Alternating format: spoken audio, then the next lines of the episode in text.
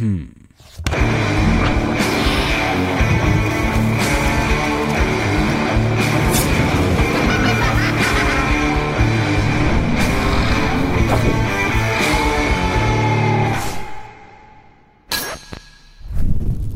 Zdravo svima, dobrodošli u još jednu epizodu Agelast podcasta. Pre nego što počnemo sa današnjom epizodom, samo da pozdravimo pre svega sve vas koji nas podržavate jednokratnim uplatama preko Paypala. Ukoliko želite to da uradite na taj način, možete to, možete to uraditi preko linkova koji su u opisu podcasta, bez obzira na platformu preko koje nas slušate ili gledate.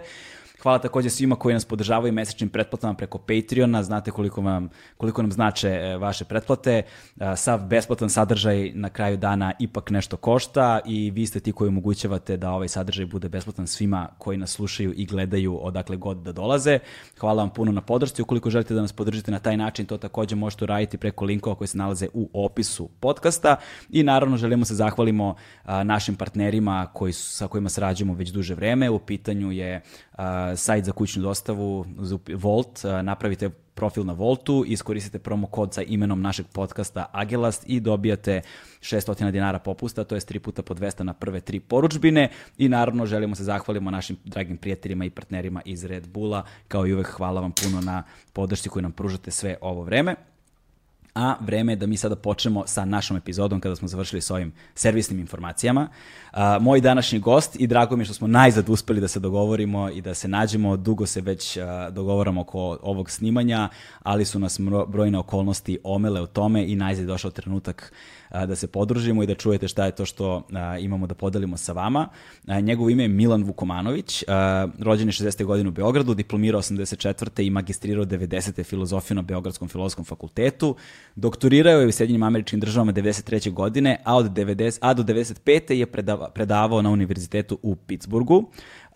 Između ostalog, je profesor, redovni profesor na Filozofskom fakultetu Univerziteta u Beogradu na odeljenju za sociologiju, predaje sociologiju religije i još neke predmete. Povremeno je predavao na Filološkom fakultetu, Fakultetu političkih nauka. Objavio je oko 300 naučnih i stručnih radova na srpskom i engleskom jeziku, a oblast njegovog naučnog interesovanja kreće se od sociologije religije i međureligijskog dijaloga do studija ranog hrišćanstva i islama. Tako da a, ovo će biti veoma sadržajan i bogat razgovor. Milane, zdravo, a, dobrodošao. Zdravo Galebe, hvala što si me pozvao. Kako si? Dobro, dobro. Volao bih da su mogli da se nađemo uživo i da razgovaramo ovaj, uh, jedan preko puta drugoga, zato što bi sigurno u razgovoru onda i ovaj, dobili mnogo, onu treću dimenziju razgovora, ono što se gubi ovim digitalnim uh, sredstvima za rad, ali bože moj, okolnosti su takve kakve su, pa ćemo iz njih izvući maksimum. Bići toga, nadam se, uskoro. Ovaj. E, Već smo previše ja... na Zoomu proveli vremena. Mi nastavnici bar. da, da, da, ti još pre, ti držiš predavanja preko Zooma. Pa da, tako? pa da, cela nastava se tako odvija, tako da već smo na... Koliko sati dnevno provodiš na Zoomu? Pa dosta, dosta. Sad ne svaki dan, ali, ali dosta sati na nedeljnoj bazi. Ove, ovaj, ti ja smo se već bože moj, sigurno dva meseca unazad ima, dogovaramo ovaj, za, za, za ovo snimanje, pa, su, pa nam se nešto, pa su nam se teme, su nam malo fluktuirale, ovaj, ali ono što nas u suštini zanima jeste, dakle, uh, govorimo o tom ranom hrišćanstvu, prvenstveno govorimo o toj takozvanoj judeo-hrišćanskoj tradiciji i nasleđu. I sad ja nekako da dam kontekst ljudima koji nas slušaju pre nego što tebi dam reč. Uh, um, uh, prosto i kroz fakultet i kroz opšte obrazovanje u životu nekako uh, shvatio sam, meni je književnost, kao što mnogi vjerojatno znaju, veoma bitna. Uh, shvatio sam da ako bismo negde morali da postavimo stub, kamen, temeljac, oslonca, nečega što bismo nazvali judeo-hrišćanskim nasledđem, u što uključujemo naravno islam, ovaj, um, temelji te kulture baziraju se otprilike na dve knjige. Jedna je Homerova Ilijada, a, definitivno, a druga je Biblija i nerazumevanje te dve knjige i te dve kulture, i kulture i uh, vremena iz kojih oni dolaze i uh, celokupne, celokupnog konteksta koje nam oni pružaju zapravo oduzima nam na tumačenju mnogo čega danas i razumevanja društva, politike, sociologije, a, kulture, umetnosti, ogroman broj interpretacija i razumevanja uzročno-posličnih veza nam beži i ostaju nam nemogući za tumačenje ukoliko ne razumemo kontekste ove dve velike knjige. Do, Milan je stručnjak upravo za sociologiju religije, upravo za rano hrišćanstvo, između ostalog, i tu smo da upravo govorimo o toj Bibliji, o nekom istorijskom kontekstu, o socijalnom kontekstu, o strukturnom kontekstu i tako dalje, ovaj, o čemu će on mnogo bolje govoriti. I kada smo se mi dogovarali odakle bismo mogli da počnemo, onda je to negde bilo da to bude recimo tekstovi koji su nastali u nekom vrlo dugom vremenskom periodu koji se meri epohama, je li tako? Yes. I, um, I da se pozabavimo nekim temama između ostalog uh, kao što je ono istorijski kontekst Isusa i tako dalje, o čemu si ti inače puno i pisao, ali polako, o tom potom, doći ćemo do toga. Šta ti misliš, i s obzirom to si profesor iz tvojeg iskustva, koja nam je možda najbolja tačka za početak ovakvih razgovora? Pa možda baš to što si nagovestio, taj dug jedan istorijski period, formativni period nastanka Biblije, koja apsolutno pripada kao, kao jedna antologija, kao jedna enciklopedija čovečanstvu u najširem smislu, makar kao književno delo, ako nije uvek i -hmm. religijska određena referenca. I tu svakako treba malo da možda približimo našim slušalcima i, i onima koji nas gledaju ove, koliki je to vremenski period u, u kome je ona nastajala. Dakle, -hmm. govorimo ovako okvirno o jednom vremenu šestog veka pre naše ere, čak četvrtog veka nove ere kada je kanonizovana hrišćanska Biblija, odnosno Novi Zavet. Ti novozavetni tekstovi su bili završeni do drugog veka, ali ta kanonizacija, uvrštavanje tih 27 tekstova u hrišćansku Bibliju, odnosno Novi Zavet, negde je sredinom četvrtog veka okončana. E, da približimo našim, našim, ovaj, našoj publici, to je neki period od nas unazad pa do Kosovskog boja, pa još dalje do, do Svetog Save. Mm -hmm. U tom periodu je naime nastajala ta antologija, taj korpus tekstova, i to bi bilo kao danas kada bi neki priređivač, recimo ovaj, 2021. seo i pokušao da napravi antologiju u kojoj bi se našli tekstovi koji su ovaj, negde, negde iz vremena ovaj, Svetoga Save, pa ovaj, nešto, nešto kasnije iz, iz tih kosovskih ciklusa pesama, pa do današnjih autora i da to sve bude kao jedna antologija književna ili kakva god. To je zaista jedan dug, veoma dug vremenski period. Tu odmah da kažem da kasniji tekstovi biblijski još nisu bili napisani, a ovi stariji, ovi raniji su već bili interpretirani. Dakle, imamo čitavu jednu istoriju, imamo već književne kritičare koji rade recepcije ovih tekstova istog ranijeg perioda pre nego što su novi autori napisali, napisali nove, e, nove tekstove. Tako da tu odmah dolazimo do toga da istorija nastanka tih tekstova, ta hronologija, ali istorija tumačenja je nešto što pripada epohama, kao što si ti dobro rekao, na početku, da je Biblija bila jedno delo u razvoju i to u jednom dugom, dugom zaista mm -hmm. razvoju i da tu naravno ovaj, nije kraj cele priče, tu se onda dolazi do toga ovaj, koji su to tekstovi bili, na kojim su jezicima pisani, e, kojim religijama pripadaju, najmanje dve religije tu imamo, to su naravno judaizam i hrišćanstvo, ali islam usvaja kao što si ti rekao, ta judeo-hrišćanska tradicija je nešto što je i nasledđe islama, kao najmlađe monoteističke religije, ove, koje su to bile civilizacije, kojim su se jezik, koji su se jezici govorili, kakvi su pristupi bili uopšte biblijskom tekstu kroz ceo taj dugi period, koji su nivoji ovaj, čitanja, tumačenja i tako dalje. Tu ćemo onda doći do toga da se Biblija otvara na, na bezboj različitih načina u zavisnosti toga koja pitanja postavljamo. Tako je, to je, dakle, mi smo zapravo već problematizovali ono sve, a da, a da, nismo, a da nismo ni počeli. Ovaj, ljudima kojima e, tumačenje tekstova nije bliska stvar, a, možda im nije, nije na prvu loptu jasno koliko je zapravo ovo ogroman jedan a, korpus problema na koji dan danas nemo, nemamo konačne odgovore i koji su nažalost u velikoj meri danas a, razlog brojnih podela u društvu, sukoba i različitih škola i tradicija koje se dosta rigidno nekada drže ovaj toga vrlo to je nešto što će nam biti i taj a, i jedno od ključnih stavki u ovom razgovoru, taj međureligijski dijalog i na koji način zapravo bi to danas trebalo da primenjujemo, ne bili smo ili se približili jedni drugima, da ne gradimo tu polarizaciju, nego da depolarizujemo zapravo te polove i da naučimo da komuniciramo i da se razumemo uzajemno.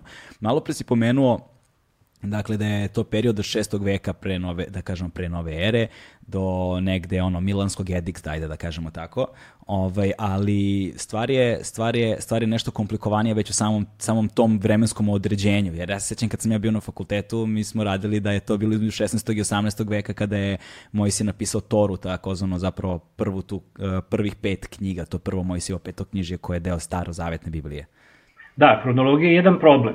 Drugi problem, da. kad se već spomenuo Mojsijeve knjige, je što, iako su knjige pripisane Mojsiju, nije da. ih e, sam Mojsije pisao, a da. verovatno nije ni živeo toliko ovaj, daleko, jer da ih da. je Mojsije pisao, ne bi opisao svoju vlastitu smrt u trećem licu u jednoj od Mojsijevih knjiga.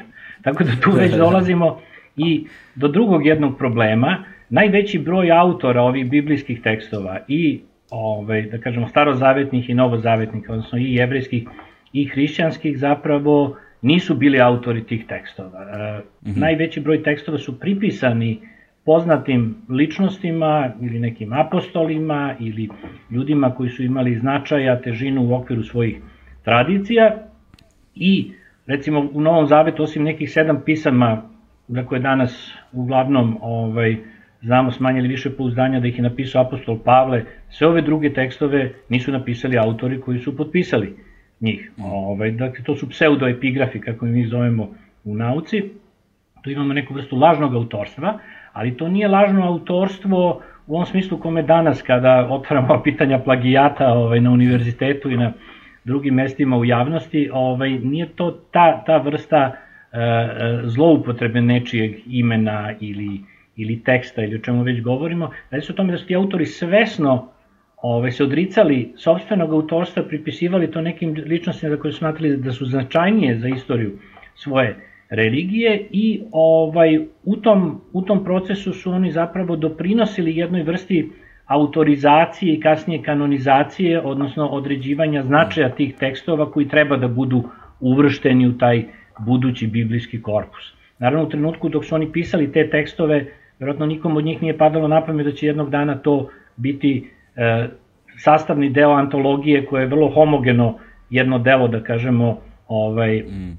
koje mi danas vidimo kao, kao Bibliju ili dve Biblije, kako god hoćeš, već su želeli da ostave za, za nasledđe neki zapis o Isusovom životu ili neki, neki fragment iz ovaj, jevrejske istorije ili opis stradanja čovečanstva u apokalipsi, Ove, živeli su u jednom vremenu koje je bilo vrlo burno vreme i moram reći, naročito za ove hrišćanske tekstove, da su oni bili u iščekivanju različitih događaja koji treba da se dese u bliskoj budućnosti, dolazak carstva Božjeg ili neka moguća apokalipsa, tako da i oni sami nisu smatrali da je sad tu izuzetno važno da će to delo biti sačuvano negde za, za budućnost, jer je pitanje bilo uopšte kako će izgledati ta budućnost i da li će uopšte biti. Tako da to je jedna stvar e, na koju oni, oni drugim rečima žive, žive ovde, sada, to je nekakav kairos, to je nekakav ovaj, trenutak u kome, u kome oni e, saopštavaju ili radosnu vest u, u evanđeljima, ili govore ovaj, na nekim apokaliptičkim jezikom kao u knjizi proroka Danila ili Jovanovom otkrivenju i, i tako dalje. E sad, tu, se, tu dolazimo do onog, tu, tu smo već sad problematizovali stvar na više nivoa. S jedne strane, uh, imena autora, dakle ko su ti autori, anonimnost samih autora je već ogroman problem, posebno sa ovako velikim vremenskim otklonom uh, s jedne strane, a onda problem njihovog izbora, tekstova, pa onda od, i, i, i tih uverenja koje su vladala u to vreme i na osnovu čega i kako se to radilo i kad potom kanon, kanon, kanon, kanonizovalo ovaj, i, i ceo taj problem interpretacije. Ali hajde negde da uh, uzmemo kao pretpostavku da sad obraćamo se najširoj mogućim publici i ljudima treba da damo nekakav okvir unutar kojeg mogu da razumeju, da razmišljaju i unutar kojeg ćemo se mi kao koordinatni sistem unutar kojeg ćemo se kretati. Tako da bi bilo dobro da negde damo a, osnovne poj, pregled osnovnih pojmova za razumevanje Biblije i biblijskog teksta, etimološki, istorijski i tako dalje. Da počnemo od toga šta znači reč Biblija, koja je etimološki uh, uh, koja je etimologija samog, samog pojma i da razumiješ šta bi to trebalo u prevodu da znači, a onda da razumemo i vreme, ceo taj period, period nastanka i neke istorijske okolnosti, da bi smo mogli onda da pređemo i na ove ostale stvari, da razumemo to dve religije, dve Biblije, jevrijsku i hrišćansku, pa preuzimanje islama, pa heterogenost biblijskih tekstova i tako dalje. Jasno, Galebe. Pa evo, prva stvar već e, sama, sama ta imenica Biblija, ta Biblija na grčkom je u množini, dakle to su knjige, ne jedna knjiga, nego knjige. Ajde da još malo znači zakomplikovano. Zaista se radi o, o, o velikom broju knjiga, radi se o jednoj čitavoj biblioteci ili kao što sam rekao možda je primerenije reći antologiji koja je postepljeno sastavljanja, slično kao što se i u književnosti sastavlja antologija, prvo moraš da imaš tekstove, ti tekstovi su nekog ranijeg perioda, onda imaš nekakve urednike, redaktore, ovaj, koji to skupljaju jednu celinu, ali ta celina dolazi kasnije, znači vrlo je slično taj proces kanonizacije otprilike tako, tako išao. E, ono što imamo od, od nekih podataka, već nemamo imena mnogih od ovih autora jeste da sama Biblija kao korpus tekstova, kao, kao jedna biblioteka, kao antologija, ovaj, tu, tu su uvršteni tekstovi preko 30 različitih autora. Odmah da kažem da su svi ti autori bili jevreji, osim možda uh, autora Evanđelja po Luki i dela apostolskih, znači onaj autor koji sebe ovaj, tu predstavlja kao Luku, mm -hmm. ovaj, on je možda, možda je bio Grk, to na osnovu neke interne evidencije jezika možemo da zaključujemo, mada ni to nije sigurno. E, da je uglavnom Biblija nastajala, ti tekstovi su pisani u mediteranskoj zoni, u mediteranskoj oblasti, dakle imamo i nekakav geografski lokus.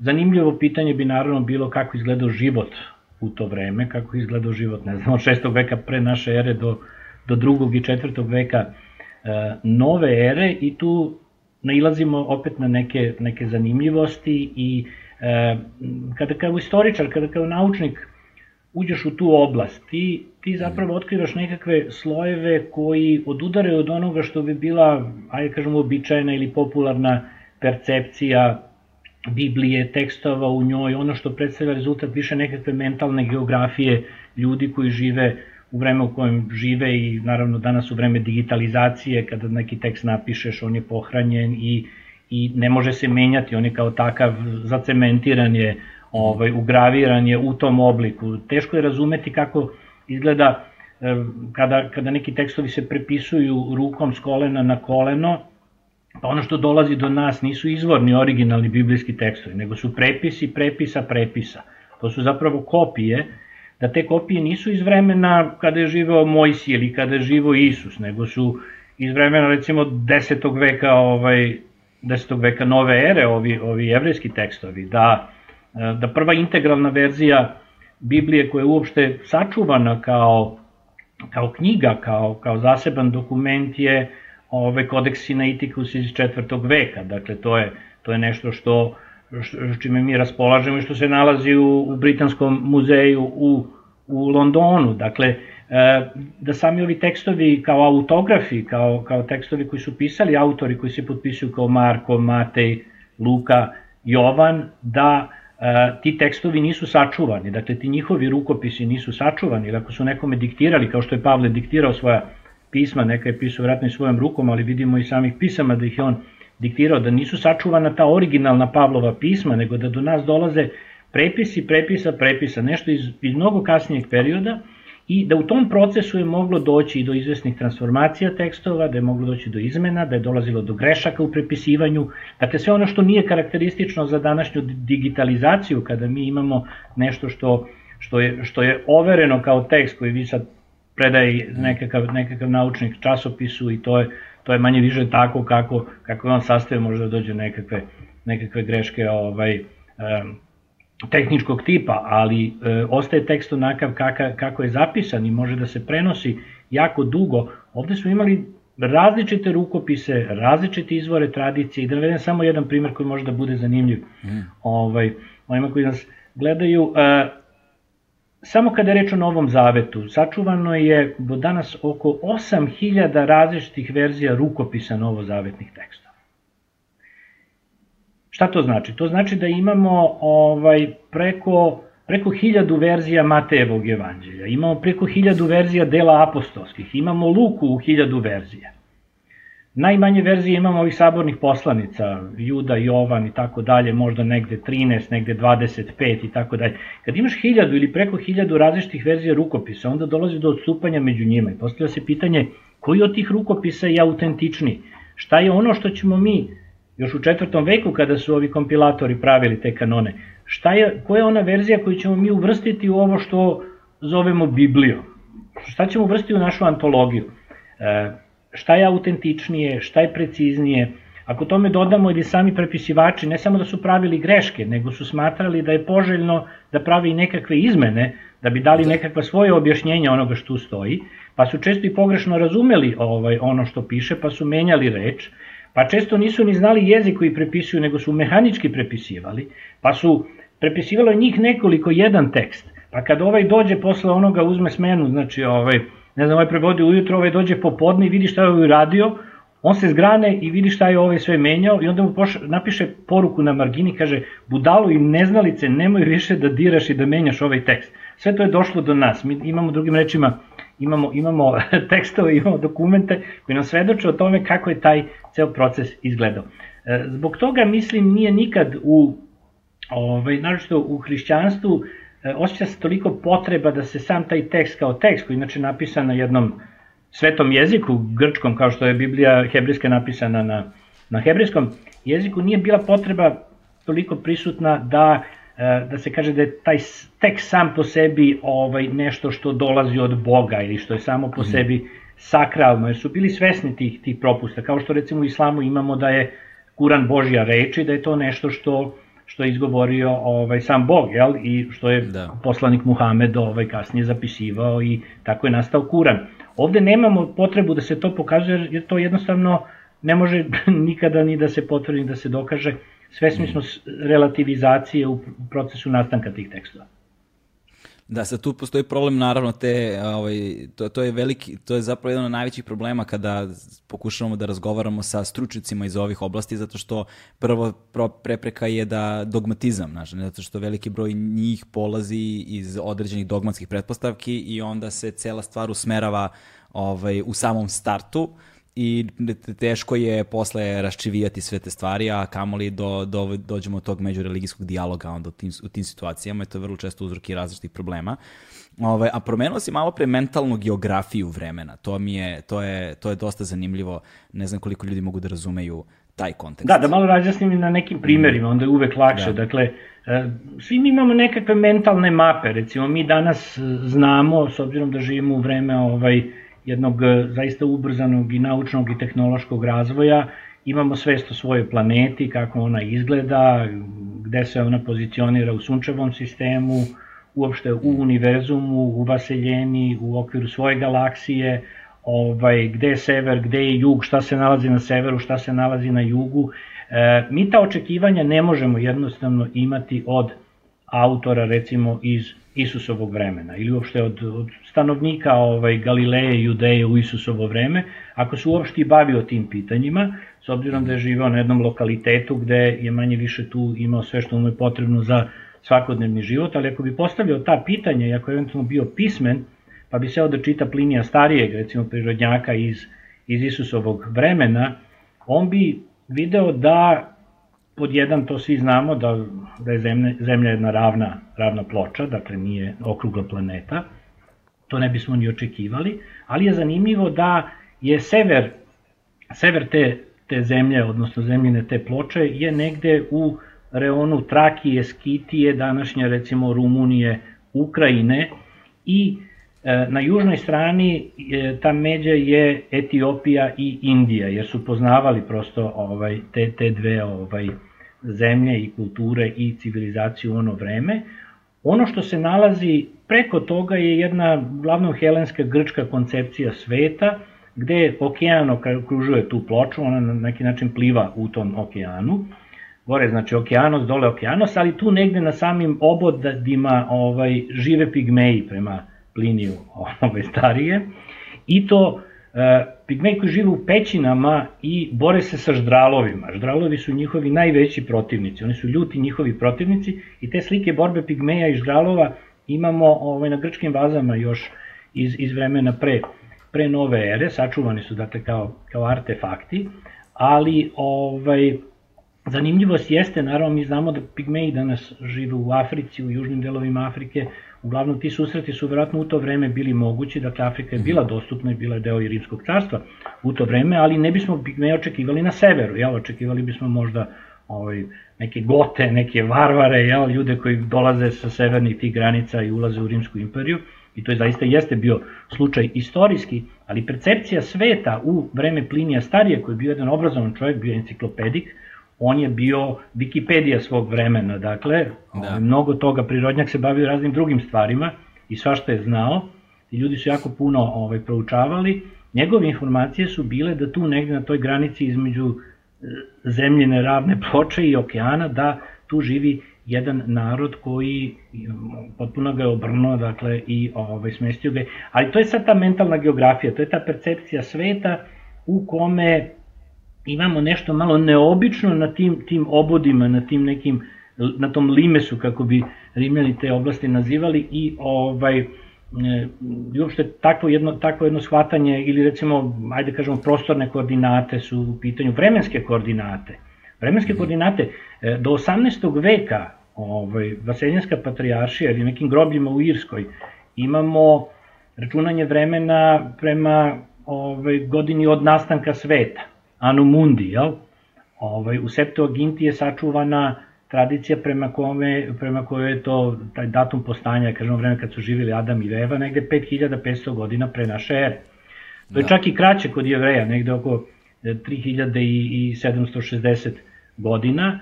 E, dakle, percepcija vremena je bila da je to vreme od nastanka sveta do nas danas bilo, bilo mnogo kraće. Da ne govorimo o putovanjima, načinu na koji su ljudi putovali kopnom, morem, ali o tome možemo možda e, malo kasnije da dodamo još ove, nekih, nekih zanimljivosti. E, da. Dakle, da bismo razumeli recimo Isusa, vreme u kome je on živeo, ovaj, apostole, ceo taj svet iz vremena nastanka hrišćanstva, ali isto tako i judaizam tog vremena, jer oni su bili, bili predstavnici ovaj, judaizma, ovaj, bili su jevreji sami, kao što sam rekao, ovaj, mhm. svi, svi ovi tekstovi dolaze, dolaze da. od, od jevreja. E, moramo sve te društveno-istorijske okolnosti da uzmemo u obzir, da kontekstualizujemo taj život, da vidimo, na primjer, u, gde se nalazila ta Palestina ovaj, unutar Rimskog carstva, koliko ljudi je tu živelo, koji su se jezici govorili, koliko je bilo ruralnog stanovništva, koliko je bilo ovaj, pismenih ljudi, urbanog i tako dalje. I ovaj, onda tu dolo, sta, stalno nas, bar nas istraživače, iznova iznenađuju, iznenađuju neke nove e, stvari i to je ono što čini ovaj naš posao zanimljivim, ali ga otežava utoliko što je vrlo teško sad to objasniti, preneti, na primjer, studentima ili za neku širu e, publiku ovaj, predstaviti te stvari u ovim relativnim terminima. To je, apsolutno, na primjer, sad pomenuo si Isusa, među posljednice tu dovodimo do, kad govorimo o postojanju Isusa kao istorijske ličnosti, Ovaj, od, odmah u startu imamo je li on rođen u Vetlemu ili rođen u Nazaretu, mesto rođenja Isusa pa nadalje sve je odmah problem, ali i pre toga a, pomenuo si malo pre Septuagintu, jel te, znaš, koliko, sad, koliko, koji broj ljudi sad zapravo zna šta je Septuaginta, ovaj, i sad Septuaginta je možda i jedna a, važna tačka račvanja zapravo savremenog razumevanja ovaj, religije s obzirom na to da je a, to prevod 72 prevodioca, ali tako? Uh, koje je nešto zaokruženo, zaokruženo 70 i da je to urađeno nakon što je prvobitna Tora spaljena u Solomonovom hramu u ratu, koja je to bilo 70. godine, ili tako? 70. godine nove ere. Tako, tako, 70. godine nove ere. Sada to su sve konteksti do kojih negde ono, treba da stignemo i da je ona napisana opšte grčkim jezikom koji ne beše, je li tako? Da, da. Ovaj, I sada je tu postoji opet problem tih prevodilaca, dakle, ko je sa staro jevrijskog prevodio na grčki, ko, ko su ti ljudi koji su govorili oba jezika, umeli da čitaju i pišu na oba jezika, ovaj, koji je vremenski period bio potreban, znači imaš 72 prevodioca kroz koji vremenski period je bio neophodan da se to prevede, a onda je prvobitna knjiga spaljena i uništena u ratu i imamo samo taj prevod koji se nalazio gde beš u Aleksandrijskoj biblioteci. Pa evo, evo da malo to razjasnimo. Znači, uglavnom su da. potrebe određivale načine na koji su sastavljani ti kodeksi, ti veliki kodeksi, kako je Northrop Frye nazvao Bibliju još odavno. E, recimo, Septuaginta je prevod hebrejske Biblije, dakle starog zaveta, ajde da kažemo ovako iz hrišćanske perspektive, jer jevreji ne zovu svoju Bibliju starim zavetom, odmah da to bude jasno. Dakle, prevod starog zaveta sa hebrejskog na grčki jezik, ali za potrebe jevreja koji su živeli u, u dijaspori, recimo u Aleksandriji konkretno u ovom slučaju, to su jevreji druge, treće generacije, četvrte generacije, ljudi koji nisu drugim rečima ni, ni znali svoj, svoj materni jezik, odnosno jezik zemlje porekla, dakle nisu hebrejski znali, nego su koristili, govorili su na grčkom, ovaj, bilo im je potrebno da koriste svoju Bibliju na jezik koji im je blizak. To je kao neki Amerikanac u Čikagu sada srpskog porekla koji je treća generacija i već je zaboravio se srpski jezik, njemu je potrebno neke tekstove iz, iz naše književnosti da dobije na engleskom jeziku i onda taj prevodilac, znači koji zna i srpski i engleski, prevodi sa srpskog to na engleski i onda on to čita na engleskom i ovaj, svestan je svog identiteta, svog porekla, ovaj, svestan je značaja tih tekstova koji čita, ali on mora da ih čita na engleskom jeziku jer ne zna više srpski, nije srpski se više ovaj, sačuvao da. u toj generaciji. Na taj način su i ovi jevreji u dijaspori dobijali svoju Bibliju, hebrijsku Bibliju, jevrijsku Bibliju na grčkom jeziku, recimo Filon Aleksandrijski, poznati ovaj jevrijski filozof je bio jedan od čitalaca te, te Septuaginte. To je isto jedna verzija Biblije koja je nastajala, tad još uvek, znači nismo imali Novi Zavet, to je negde od trećeg veka pre nove ere, pa negde do prvog veka nove ere. Imamo samo jevrijsku Bibliju, odmah da kažem. Ovaj, imamo i neke apokrifne tekstove koji se tu dodaju uz ovo što su tekstovi jevrijske Biblije na hebrejskom, takozvani taj mazoretski tekst, malo mogu da se na to i posle osvrnem. Ovaj, Mazora, i, kao, Mazora kao predanje, je li tako? Pa da, pa da, i činjenica da, da u stvari zanimljivo je sad to vrlo da ovi prevodi na grčkom hebrejske Biblije su stariji nego, nego sačuvani tekstovi hebrejske Biblije na hebrejskom jeziku koji su recimo iz 10. veka, na primjer, i dok nisu ovi kumranski rukopisi otkriveni, pa imamo neke tekstove, recimo, kao prorok Isaija, koji negde iz, iz prvog veka pre pre nove ere, mi smo zapravo, ovaj, Septuaginta je bila, starija verzija hebrejske Biblije, bila na grčkom jeziku, nije bila na hebrejskom. To su ovi paradoksi zapravo da, o kojima da. govorimo, da nekad je neki prevod stariji nego original u, na, u načinu na koji dolazi do nas. Znači, to, to isto treba da se uzme u obzir. Nekad neko tumačenje je starije nego rukopis koji, mm. koji mi dobijamo i tako dalje. Sve su to dosta komplikovane stvari, ali e, Septuaginta je značajna e, iz nekoliko razloga. Jedan, kao što sam rekao, je što su jevreji koji su živeli ovaj, van Matice, van, van Palestine, ovaj, u helenističkom periodu, mogli svoju Bibliju da čitaju na bliskom jeziku, na grčkom, ali i hrišćani koji, da kažem, od prvog veka nadalje, koji takođe koriste hebrejsku Bibliju kao svoju Bibliju, sve dok nije Novi Zavet ovaj, kompilirana, ali to je u četvrtom veku, znači imamo, imamo Novi Zavet, nemamo Novi Zavet pre četvrtog veka, imamo tekstove Novog Zaveta pre četvrtog veka, ali nemamo hrišćansku Bibliju pre četvrtog mm. veka. Prvi hrišćani su koristili hebrijsku Bibliju kao svoju Bibliju i pošto su koristili grčki, recimo ovi koji su bili Grci ili su bili ovaj, stanovnici Rimske imperije iz drugih krajeva, a grčki je bio jezik međunarodne komunikacije, ko što je engleski danas na svetskim aerodromima recimo, ovaj, ili ovaj Kini ili koji ne ovaj, grčki koji si ti spomenuo, onda su oni zapravo, ovaj, hrišćani su te tekstove iz jevrijske tradicije dobijali na sebi bliskom e, grčkom jeziku. I onda ovaj, imamo tu neku verziju koja, ajde možemo nazvati stari zavet kao hrišćanska verzija hebrejske Biblije koja se malo razlikuje i po e, tradiciji iz koje je došla, tu se dodaju neke apokrifne knjige, onda ove kojih nema u ovoj izvornoj mazoretskoj, dakle, verziji Biblije e, hebrijske i generalno dolazi do izvesnih odstupanja, različiti su to tokovi predaje, tradicije, tako i tekstovi mogu, mogu nam izgledati ovaj, drugči, ima nekih variacija, ima nekih promena, znači tu, dok nije recimo bio ovaj kumranski Isaija nađen, pa se videlo taj kumranski Isaija iz stote godine se razlikuje od tog mazoretskog teksta iz 10. veka, na primjer, koji je došao do nas kao kao standardna verzija hebrejske Biblije, vrlo precizna, minuciozno prenošena, ovaj, sačuvana, dakle tu se vodilo jako računa da se ne naprave ove greške kojima sam ja e, malo pregovorio. Da. Da nema onih ovaj. fusnota, budalo jedna šta Nema fusnota, ali recimo oni ubacuju one dijakritičke znake za samoglasnike, da. pošto kao što da, znaš, da, da, da. Ovaj, e, kao i drugi semitski jezici, ovaj, hebrejski je, hebrejski je ovaj, ima tu konsonantsku osnovu, ima, ima ima konsonante i onda su dodani do, do, su neki dijakritički znaci kao akcenti nekakvi da bi se obeležili vokali tu i to su mazoreti mhm. radili i taj su tekst prenosili recimo od 6. do 10. veka su to radili. To jeste osnova za ovu jevrejsku jevrejsku Bibliju. E sad, a imamo i hrišćansku jevrejsku Bibliju i to je Septuaginta.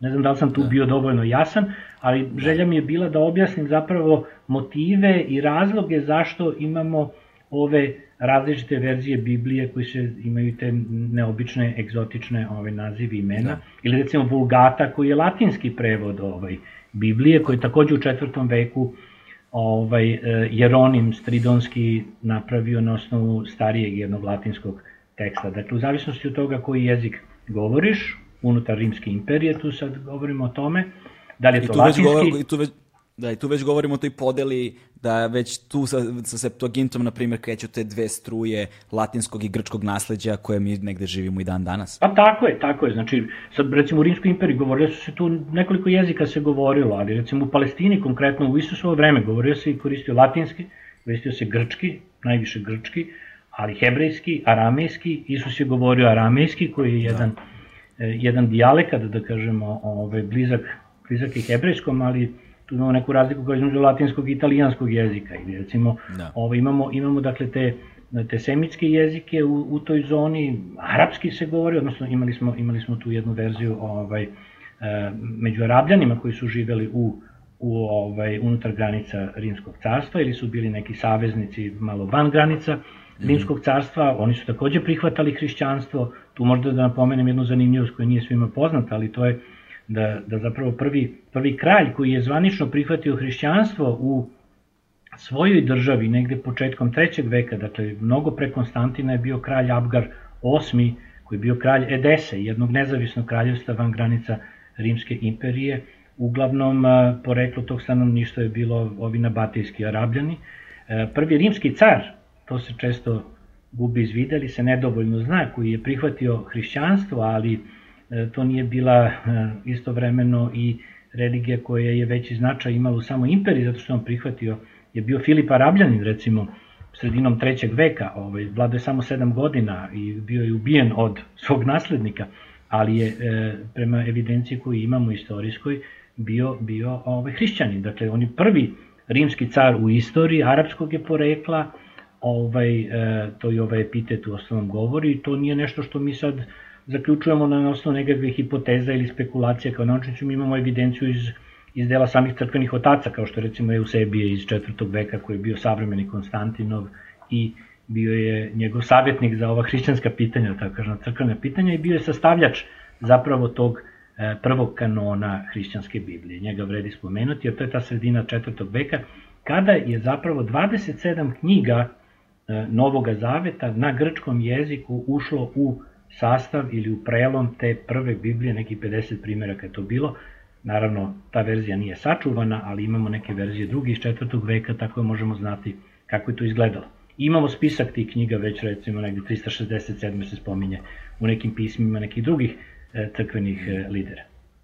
E sada, a, ovaj, da, da se zadržimo još malo na Septuaginti, čisto da ljudima oslikamo o čemu važnost zapravo, mislim ima baš mnogo važnih elemenata u svemu ovome, ali je, kad smo već pomenuli Septuagintu, pa kao još, još koji trenutak na njoj samo da se zadržimo, dakle, zanimljivo je to da, da, da, da zapravo da je starojevrijska tradicija koja je prepisana, kao što smo pomenuli, na tom go, kojne grčkom jeziku kroz 70 nešto prevodilaca kroz 300 godina ovaj, u Septuagintu. Tako je. A, I onda se desio uh, rat gde je Solomonov hram u kojem je, su prvobitni spisi sa kojeg se prevodilo bili čuvani. A, Rimljani su ga spalili 70. godine i sa u tom ratu je taj originalni tekst izgubljen. I onda su jevreji potom morali da prepisuju ponovo Septuagintu nazad na, na, na hebrijski da bi očuvali svoju tradiciju? E, Ta hebrejska verzija Biblije, ona samostalno išla kao jedan tok, znači nije zavisila da. od Septuaginte. Septuaginta da. je jedan tok koji ide, znači to je, to je Biblija hebrejska u dijaspori među jevrejima koji žive u dijaspori, da, da. a kasnije hrišćanska jevrejska Biblija, odnosno hrišćani koriste nju kao stari zavet, da kažemo stari zavet, ja? Mm -hmm. prvobitni taj stari zavet, prva verzija starog zaveta. Da.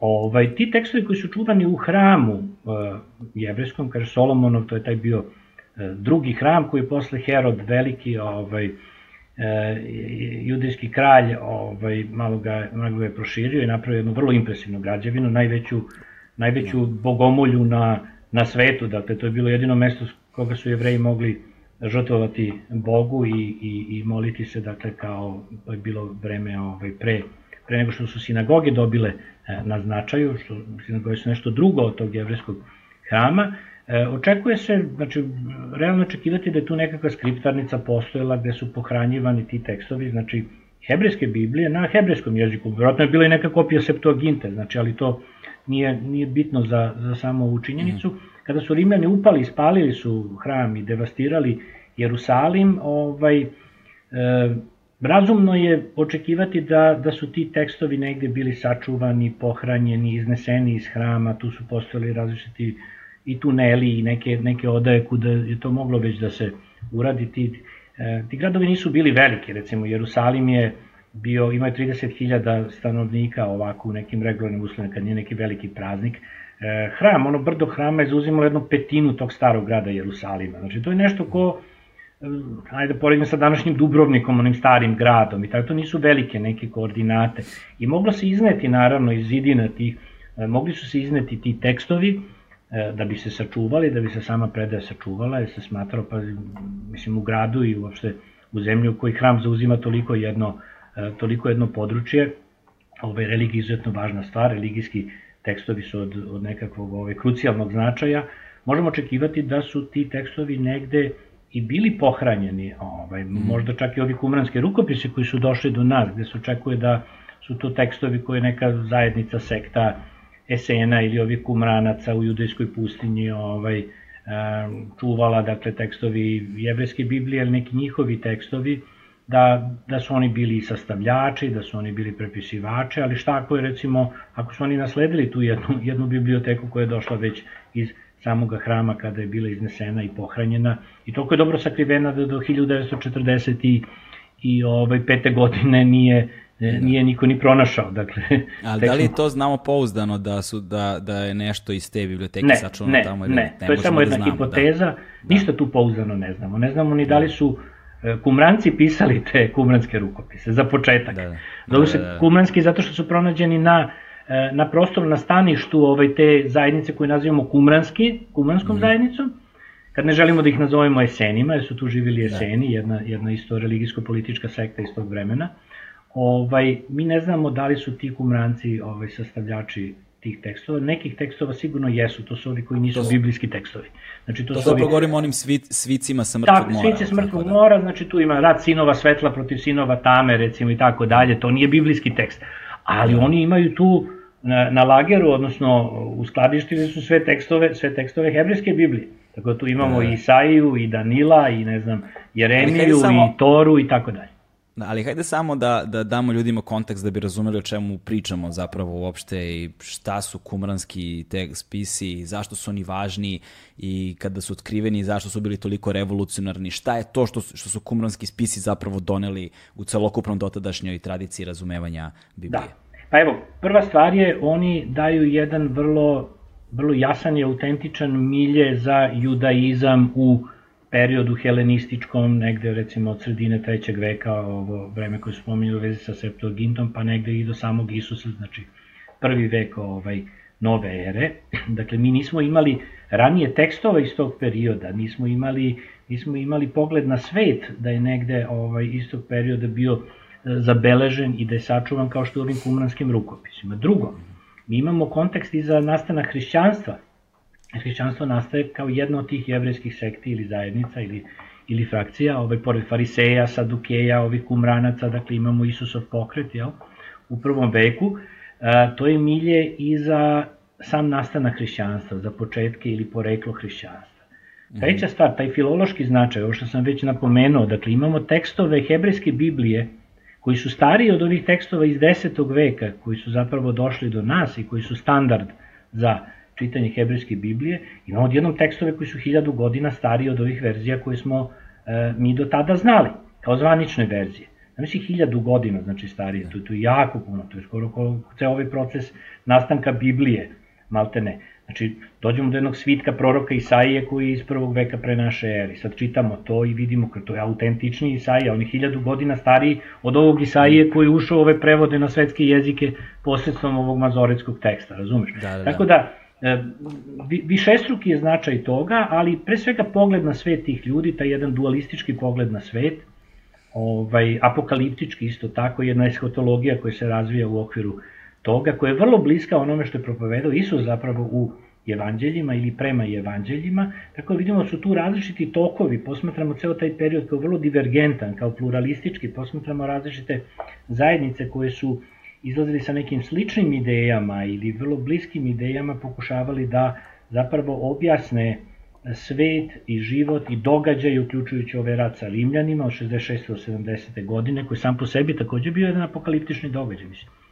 Nakon, nakon tog rata od 70. godine više neke od ovih religijsko-političkih frakcija više ne postoje za uvek. Znači ne postoje sadukeji, ne postoje eseni, ne postoje ovaj, ziloti, sikari i tako dalje, ostaju samo fariseji. Oni daju osnovu za rabinski judaizam kasniji, koji je zapravo ova tradicija judaizma koju mi dan danas imamo, to je judaizam sinagoga u stvari.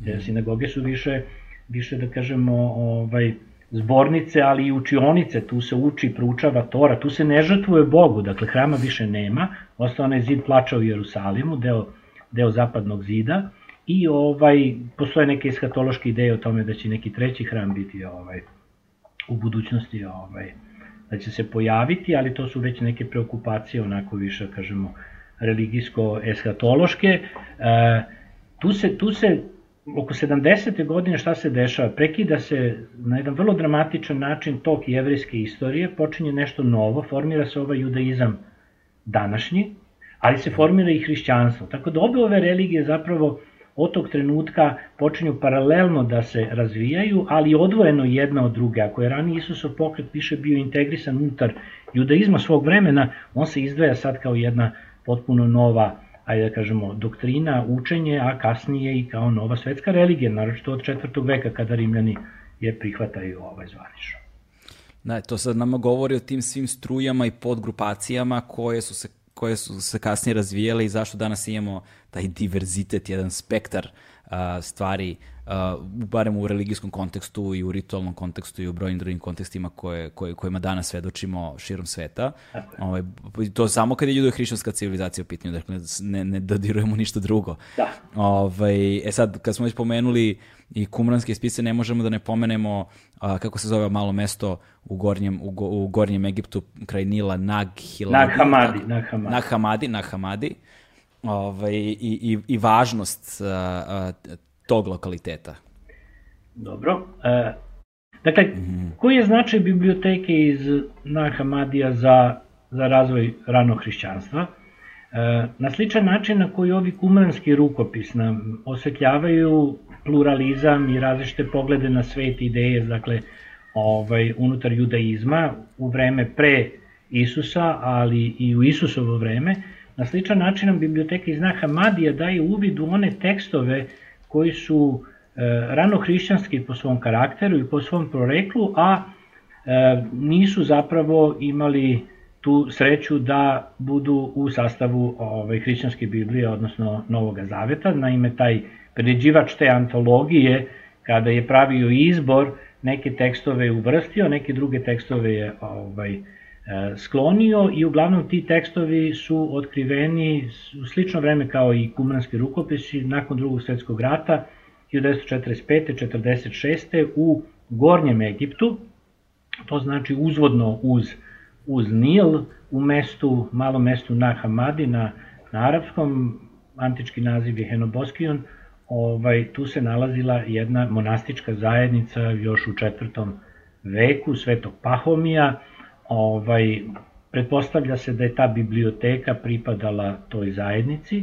Iz nekih razloga su oni te tekstove takođe sklonili, kao što su kumranci ih sakrili one pećine pored mrtvog mora, tako su i ovi, ovi ta monastička zajednica isklonila u ovaj, u e, ćupove u, na nekom starom groblju monastičkom i oni nisu pronađeni, dakle, sve, sve do 20. veka. To je inače sudbina mnogih rukopisa koji zbog suve klime su uspeli da se u Egiptu očuvaju, tako da recimo od 1930. godine na ovom, ja sam spomenuo ovih 8000 tekstova, kopija različitih tekstova Novog Zaveta, ogroman broj tih rukopisa je pronađen recimo nakon 1930. E, godine. Tako da klima, prosto okolnosti su bile da, da je klima, suva klima je očuvala te tekstove i ono što su naučnici kada su ti tekstovi prevedeni, kada su, dakle, prvo kada su ustanovljeni, oni su pisani na kopskom, to je liturgijski jezik egipatskih hrišćana, koji ima neku leksiku iz, iz grčkog, ali je isto tako i jedan sasvim zaseban jezik. Mi znamo svi danas za kopte, jel, kao jednu varijantu istočnog hrišćanstva. Ovaj, pravoslavni oni, kopti, oni tako, su najstariji pravoslavci. Kopti, da. dakle, to nisu ovi vizantijski pravoslavci, ova istočna pravoslavna crkva u kojoj je i Srpska pravoslavna crkva, ali jesu dovoljno, dovoljno su nam dakle, bliski po, po tome da spadaju u tu vrstu istočnog hrišćanstva, odnosno pravoslavlja ovaj, u, u ovoj zoni ovaj, na, na, na istoku, dakle, Rimske imperije. I ovaj, sami ti tekstovi na kopskom, znači oni su predstavili već prevode nekih originalnih tekstova na grčkom jeziku, pretpostavlja se većina njih je negde iz drugog veka, dakle to je jako blizu nastaku hrišćanstva, i sad se pojavljuju tekstovi kada je to prevedeno, kada, kada su ovaj, naučnici e, uspeli da identifikuju to pseudoautorstvo, opet i u ovom slučaju, gde se pojavljaju nekakve evanđelja po Tomi, evanđelje po Mariji, po Filipu, ovaj, nekakve apokalipse, ovaj, po Adamu, nalaze se neka pisma nova, neki drugi tekstovi, čak deo iz Platonove države tu nađen u toj biblioteci, dakle ovi nehrišćanski neki dokumenti, ali e, ti tekstovi kada su prevedeni, kada su počeli dakle više da se da se interpretiraju negde od 70. godina, da kažemo, na ovamo, prošlog veka na ovamo, kada su prevedeni na veće svetske jezike, odjednom smo počeli da imamo uvid u taj diverzitet sada ovaj, i hrišćanske, hrišćanske religije, narošto u ovom nekom formativnom periodu pre četvrtog veka, kada hrišćanstvo još nije oficijalna religija, dakle ovaj drugi vek, treći vek, e, neke alternativne verzije evanđelja, drugih ovih žanrovskih ovaj, formi, e, neobične stvari, ovaj, U Evanđelju po Tomi recimo nemamo apsolutno ni jednu epizodu iz Isusovog života mhm. koja se opisuje u, u ovim kanonskim evanđeljima. Isus tu više govori kao nekakav antički mudrac, kao nekakav sofos koji je ovaj, sa svojim učenicima raspravlja o različitim stvarima, izlaži neke ideje koje izgledaju vrlo neobične ovako, koje su više bi spadali u jednu vrstu ovaj, hrišćanske mistike ili jednog načina percepcije realnosti, ovaj, kao, kao ovaj, nekakve ultimativne, krajnje, krajnje nekakve vrhunske realnosti. Ovaj, u nekim od tih tekstova imamo naravno i, i elemente ovaj, koji bi mogli u ranoj crkvi se već videti kao nešto nedozvoljeno, zabranjeno, recimo Isus ljubi Mariju iz Magdale u Filipovom evanđelju, e, ne zna se tačno iz teksta koja vrsta to bila poljubca, ali tu se vidi jedna, jedna bliskost između njih, izdvaja nju između ovih recimo ove, muških učenika, apostola, dakle ona tu neki ima primat u odnosu na njih, što je vrlo neobično bilo kada uzmemo ovdje te rodne odnose ovaj, u, u ravnoj crkvi i tako dalje i tako dalje, vratno zbog takvih nekih detalja ili činjenice da se ne poklapaju sa onim što imamo iz, iz ovih kanonskih evanđelja, oni nisu bili uvršteni u kanon. Drugim rečima, kada se pravila ta selekcija, negde u četvrtom veku, dakle oni nisu ušli u taj prelom ovaj, Biblije, jel, hrišćanske Biblije, Novog Zaveta, Moguće da su tu bile i neke čistke već u tom periodu ovaj, u ovim zajednicama koje su čuvale te dokumente, koje su ovaj, i dalje ih čitale, to je spadalo da se ovako u neku apokrifnu literaturu, zabranjeno mm -hmm. voće nekako, i onda su oni osetili potrebu da to sahriju, da to zapravo pohrane u, u, u, u, tom delu koji se je pripadao manastirskom groblju i sticajem okolnosti to nije pronađeno sve do iza drugog svetskog rata.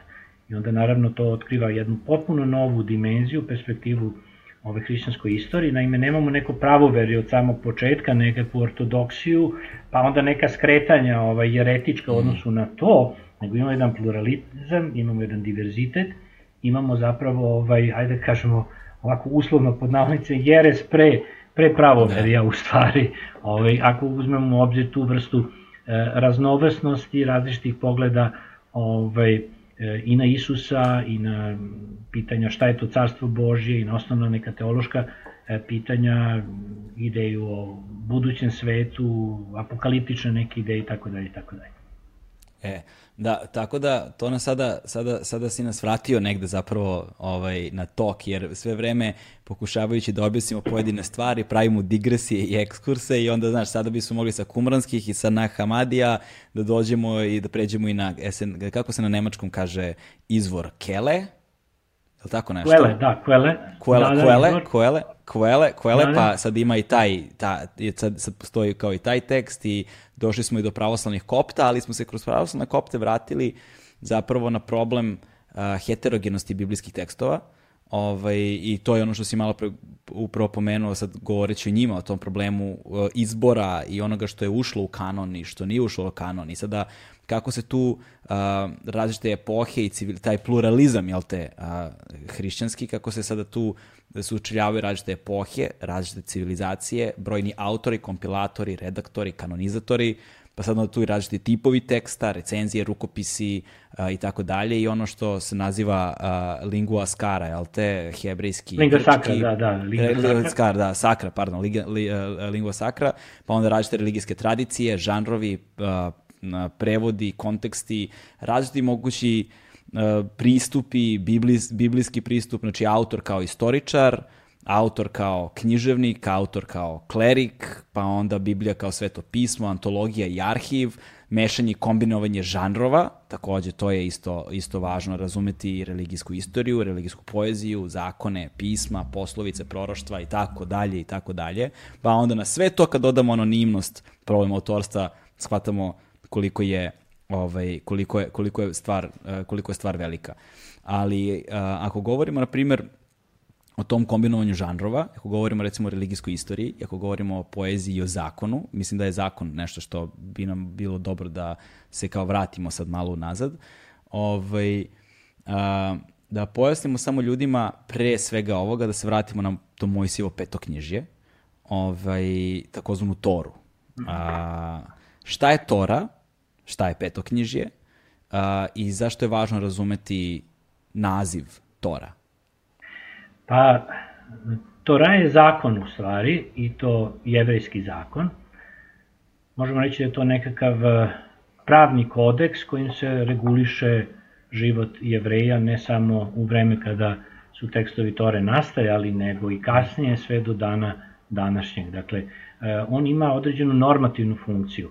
Eh, U knjizi Postanje, koja je prva knjiga Tore, odnosno zakona, ili prva Mojsijeva knjiga, kako se još ona naziva, ovaj, imamo opis stvaranja sveta, dakle onu poznatu priču o tome da je Bog stvorio svet u šest dana i onda je seo sedmog dana e, da se odmori i imamo Adama, Evu i sve ono što e, sledi kasnije do potopa kad Bog više nije bio zadovoljan onim čovečanstvom koje je stvorio pa je želeo da, da ga resetuje kako bismo mi danas rekli ovim Da. savremenim jezikom stvorio jedno novo čovečanstvo, da se tu pojavljuje Noe, onoj barci nesretnik koji, koji ovaj, neki ljude skupio i životinje i i biljke i kreće ovaj kreće ovaj stvaranje tog tog tog novog čovečanstva.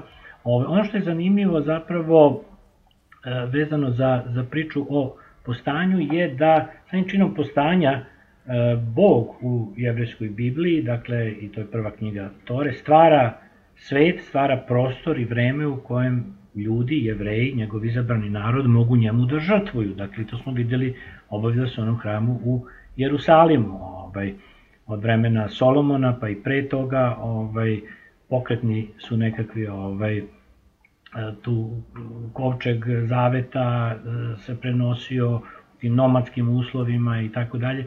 Ovaj imamo dakle stvaranje sveta, ali kad je svet već stvoren, postavilo se onda pitanje, kad smo dali opis sveta ili deskripciju sveta imaš dakle u, u Bibliji, u Tori, postavlja se pitanje kako ljudi da se ponašaju u tom svetu, šta oni da rade u stvari, a da bude to Bogu ugodno, da budu u skladu s onim što Bog od njih očekuje. Dakle, sad se tu postavlja pitanje ne samo deskripcije, nego i preskripcije ovaj, e, normativnih ovaj, obrazaca ponašanja u tom svetu koji je stvoren tako kako je stvoren. Jel? Da. Ovaj, prema Septuaginti 5500 godina e, pre, pre nove ere. E, I onda dolazi, naravno, ove, dolaze nove tu knjige, e, u okviru Tore ili zakona, imamo knjigu izlaska, imamo brojeve, imamo ovaj, levitski zakonik, imamo ponovljeni zakon. Dakle, ovaj, tu sad, e, kroz, kroz pokušaj da se, da, se, da se taj normativni nekakav kodeks uspostavi, da se objasni kako su živeli ovi patrijarsi od Adama dalje preko ovaj, Noja i onda dolazimo do, do Abrama i Jakova, Isaka i, i ovih novih nekih novih patrijarha. Ovaj, e, šta je ono što, što je ponašanje koje je ispravno u skladu i sa tim religijskim normama ili moralnim normama? I onda imamo recimo jedan dekalog ili deset božih zapovesti koje je jedna vrsta ovaj, takve preskripcije, jel? E, preporuke za to kako, kako se treba ponašati, kako treba živiti, e, ne ubi, ne kradi, ne poželi ženu bližnjega svoga, ne čini preljubu, dakle i tako dalje. Znači, E, ono, ono što je potrebno za jedno društvo da bi moglo uopšte da ostane kao funkcionalno društvo, dakle, kroz, kroz neke norme koji su u početku običajne norme, ali onda kad su one zapisane u ovakvim, u ovakvim kodeksima, bar nekdo od 6. veka pre naše ere, e, pa kasnije, ove, kako su prepisivane i nastajale novi tekstovi, e, to je neki kor, to je nekakvo jezgro u stvari hebrijske Biblije. To su tekstovi koji su prvi nastali. Zapravo. Knjiga Postanje očekuje se da je ona u stvari najstariji, najstariji tekst E, hebrejske Biblije, onda nastaju neki drugi tekstovi koji spadaju u ovo što si rekao druge žanrove, mhm. recimo imamo tekstove koji su čista poezija recimo ili imamo neka pisma ili imamo religijsku istoriju ovaj, ili imamo neke, neke apokalipse recimo knjiga proroka Danila ovaj, onda same proroke koji su tu sistematizovani u različite grupe e, tekstova dakle imamo heterogenu jednu e, žanrovsku ovaj, žanrovski gledanu zbirku tekstova ali osnova, kor toga zaista jeste Tora, odnosno, odnosno jevrijski, jevrijski zakon i to je ono što što zapravo posle u islamu sa Kuranom i tim konceptom šerijata, recimo ideje da postoji Kuran kao pisani jedan tekst, ali pre toga Božja reč i Suna kao jedna vrsta ovaj, tumačenja i, i dalje obrazlaganja onoga što, što kuranski tekst e, donosi, ideja zapravo jednom pravnom pa i pravno-političkom jednom sistemu, ustrojstvu e, koji, koji, koji ovaj, određuje nekakve norme življenja, ponašanja u tom svetu koji je stvoren tako kako je stvoren, mm. odnosno kako je opisan u, u istim tim tekstovima. E, hrišćanstvo, to je zanimljivo, od početka nije imalo tu tendenciju da bude ovaj, e, e, jedna, jedna normativna religija, da bude legalistička jedna religija, na način koji su to judaizam i, e, i islam bili, e, više je tu postojala potreba da se kroz e, život e, Mesije hrišćanskog, Isusa Hrista, jel? Mm. i kroz ovaj opis dakle tih prvih zajednica sve do ove apokalipse s kojom se završava e, Novi Zavet opiše jedno vreme koje je dosta dramatično vreme ovde i sada gde se dešava nešto što je od izuzetnog civilizacijskog značaja, možemo reći o nekakvog kosmološkog i, i ontološkog značaja, a to je dolazak, dolazak Carstva Božjeg. Znači to iščekivanje Carstva Božjeg kao nečega što treba da nastupi vrlo brzo, vrlo skoro, i ovi prvi hrišćani žive u takvoj jednoj atmosferi ovaj dolaska. Dakle, nije toliko neophodno da se kodifikuje taj, taj život u nekim mirnim tokovima, kao što je bio slučaj sa, e, sa evrejima koji naseljavaju Kanan, dakle vraćaju se povratak iz Egipta, naseljavaju svoju zemlju, organizuju nekakav mm. život. Ovde imamo iščekivanje vrlo dramatičnih nekih događaja koji su istorijski gledano vezani naravno uz ovaj rat sa Rimljanima, ali postoji ta jedna apokaliptička, mistička, metafizička dimenzija svega toga. Hrišćani drugim rečima e, pišu za e, za svoje e, slušaoce i čitaoce sada i ovde i ta pravila ponašanja koje takođe imamo u, novozavetnim tekstovima, recimo Isusova beseda na gori, su namenjena za jedan takav svet koji je svet između, između onog, onog sveta koji pripada starom zavetu, koji pripada hebrejskoj Bibliji, toj istoriji i nečega što novo tek treba da nastupi, a mhm. zašto je Isus podneo svoju žrtvu kao jednu ultimativnu žrtvu, dakle na, na krstu gde je njegova smrt i stradanje ujedno i ove, trećeg dana, jel, ovaj, e, i triumf zapravo u činu njegovog vaskrsenja.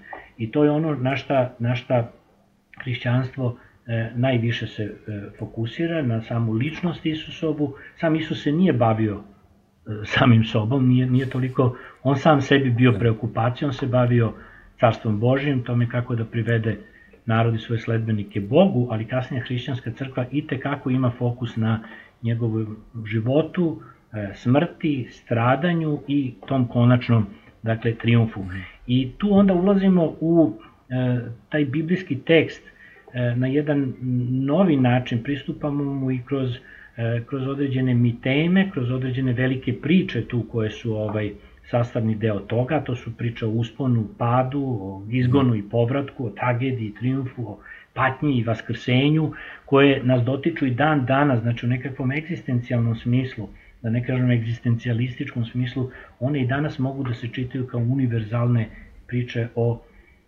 ljudima, njihovoj sudbini, njihovim izazovima, pokušajima da prevaziđu postojeće stanje koje je uglavnom nešto što izaziva teskobu E, strah, opasnost i ovaj, zebnju pred onim što će, što će nastupiti. I mislim, te slike, ti arhetipovi koji se javljaju u tim tekstovima, ta ikoničnost Biblije sama po sebi, ovaj, jeste jedan kvalitet koji proizilazi sada iz biblijskog teksta viđeno kao teksta unutar jedne knjige, unutar jedne antologije. Mm -hmm. Dakle, tu sad već na tom interpretativnom nekom planu E, mi vidimo nešto što ima mnogo veću homogenost nego što sami autori kada su pisali te tekstove su imali ideju da da uopšte ovaj e, tako nešto e, poruče. Dakle, imamo jedan novi kvalitet, jedan novi život Biblije kao te antologije koje sada pripada svima nama, dakle pripada nam u nekom civilizacijskom smislu možda, kažem svima nama, naročito pripada jevrejima i hrišćanima, ovaj, ali pripada i muslimanima preko ove tradicije koje dolazi do, do Kurana. I ovaj, e, dolazimo do jedne, ajde kažem, koncepcije jedne meta istorije. To nisu istorijski tekstovi, što si rekao, imamo naravno ovog autora i ti tri glavna nivoa čitanja, što s pravom si rekao, i to su ta glavna, glavna zaista nivoa, taj religijsko-teološki, imamo ovaj istorijski, književni, ali istorija tu e, u ovom smislu kao istoriografija, ona ima možda najmanji začaj. Ti tekstovi nisu pisani kao istorijski tekstovi. Mi dolazimo do određenih istorijskih podataka posredno, mi dobijamo neke informacije koje nam pomažu da razumemo vreme i svet u kome su ti tekstovi nastajali, ali ja bih rekao da e, taj e, književni aspekt, činjenica da možemo mhm. Bibliju čitati na toliko različitih nivoa, da je ona jedan veliki kodeks koji govori na, e, na, na multidimenzionalnom jednom planu, ali s druge strane da je to jedan religijski teološki tekst koji je osnova za život, ponašanje ovaj, jevreja, hrišćana i na kraju krajeva ovo što smo, od čega smo počeli, zakon, dakle, Tora kao petoknjižje, kao pet knjiga koje čine ono što je e, normativni e, kodeks ovaj, starih jevreja, a nešto što je naravno i za te rane hrišćane takođe bio ovaj kodeks koji su oni prihvatali normalno jer su živeli ovaj, u, u tim zajednicama i sami jesu bili jevreji, ali onda imate otvaranje te jedne perspektive i ka nečemu što je hrišćanstvo donelo kao tu ideju da. ovaj, nade, vere, ljubavi, jedna otvorenost prema budućnosti i carstvu Božjem. Kao iskorak jedan iz onoga što bi, što bi bio samo taj e, zakonski kodeks. To je iz uh, Svetopavlovske poslanice Korinćanima. Tako je, e, tako Ljubav, vera, Pavle. nada, od kojih je ljubav najvažnija. Tako, i Pavle je napravio taj iskorak. U stvari, da. Pavle kao jeverin iz Starsa, iz dijaspore ove, jeverske, koji znao i grčki dobro i proganjao je hrišćane u svojoj mladosti, on čini taj iskorak zapravo iz onoga što je samo jevreska nasledđe, zakon, dakle, ideja da je samo dovoljno poštovati zakon, ovaj, koji podrazumeva način života, način ishrane, obrezivanje kao jedan vid ovaj, inicijacije u, u veru kod, kod muške dece mm -hmm. i ono što sve na kraju krajeva Tora i sama predstavlja, on sad tu pravi jedan iskorak, interpretativni jedan iskorak i pokušava da ponudi ideju o Mesi, Isus kao Mesi koji donosi jedan novi kvalitet ovaj, u svemu tome, a vezano je uz ove eskatološko-apokaliptičke preokupacije. Pavle nikad nije upoznao Isusa, on, nije bio, on je njegov savremenik, ali ga nikad nije lično upoznao. Isus je bio raspet i umro je pre nego što Pavle ovaj, ova svoja pisma piše, ali on imao jednu vrstu, ajde kažemo ovako, ekstatičke vizije ili doživljaje na putu za Damas, kako on to opisuje, ovaj, gde se Isus njemu javlja prosto kao jedna kosmička ličnost, metafizička ličnost. Imamo jednu ideju o kosmičkom Hristu, tom Pavlovom, koji je ima ulogu i nastanku sveta, dakle to je jedna vrsta, jedna vrsta sad ponovnog postanja, ako hoćeš, ovaj, u ovom hrišćanskom ključu i okolnost da zaista ti tekstovi koji nam dolaze od Pavla, ta vrlo metafizička i kosmološka vizija Isusa je starija zapravo od, od ove od ove istorijske ove koje nam dolazi preko, preko sinoptičkih i kanonskih evanđelja gde Isus opisan kao, kao istorijska ličnost. I to jeste jedan paradoks malo u toj istoriji najranijih hrišćanstva. Naime, prvo dobijamo tog kosmičkog i metafizičkog Isusa, kao nekakav kult Hrista prvo dobijamo, a onda mhm. dobijamo istorijskog Isusa. I zato jedna od ovih knjiga koje sam ja e, pisao i ti spominjao na početku ima taj naziv ovaj, od Isusa do Hrista, jel? Ovaj, da. Odnosno rano hrišćanstvo od Isusa do Hrista, jel? Zvuči ovako malo, malo neobično, tautološki, ali to zaista jeste ovaj, jedna, jedna, jedna pripovest o tome kako je jedna istorijska ličnost Isus iz Nazareta, ako je uopšte poreklom bio iz tog mesta, ako je uopšte to mesto postalo u to vreme, a imamo osnova da verujemo i da nije, ove, ali mhm. dobro, kod Vitlejema negde on rođen, to je jedna pouzdanija tradicija, ovaj, taj, taj Isus zapravo postaje Hristos, odnosno postaje ovaj Pavlov Mesija, dakle, onaj Mesija da. koji je opisan u Pavlovim pismima. Ili u njegovom evanđelju, on čak to naziva i svojim evanđeljem. Iako to nije baš žanrovski ovaj, ovako sastavljeno kao, kao ova kanonska evanđelja. Mm -hmm. Ali je stariji od kanonskih evanđelja, to je vrlo zanimljivo. Ove, e sada, a, ovde smo apsolutno dotakli nešto što bismo mogli da nazovemo kao tematski organizovane antologije, -hmm. a, jer svuda se rečeno počinje s rajem i završava sa apokalipsom. Tako je. Počinje se sa sa rajskim vrtom završava se s kovčegom i sad to je ovako tematski gledano je ovaj prilično konzistentno, jel? To je onako i ljudski život nekako ovaj ako uzmemo to neko rajsko doba ranog detinjstva kada nikakvih briga nemamo ovaj pre nego što pre nego što progledamo ili steknemo taj neki ovaj ego individualni identitet i onda nastaju neke brige još na tom malom uzrastu kod kod dece, ali dok su onako mali bude u onim kolicima dok ih dok ih šetamo po parku, ovaj, vidimo, vidimo nekakav raj u njihovim očima, ovaj, zaista okončanje života, smrt jeste nekakav e, prekid u tom razvoju i sama Biblija ima tu strukturu koja je e, hronološki gledano ili ako hoćeš tematski gledano ovaj, dosta logična. Recimo u Kuranu to nemamo, Kuran je jedna knjiga koja je osnovni kriterijum podele tih poglavlja, ide se od dužih ka ka kraćim poglavljima. Dakle, vrlo mehanički jedan, da kažemo,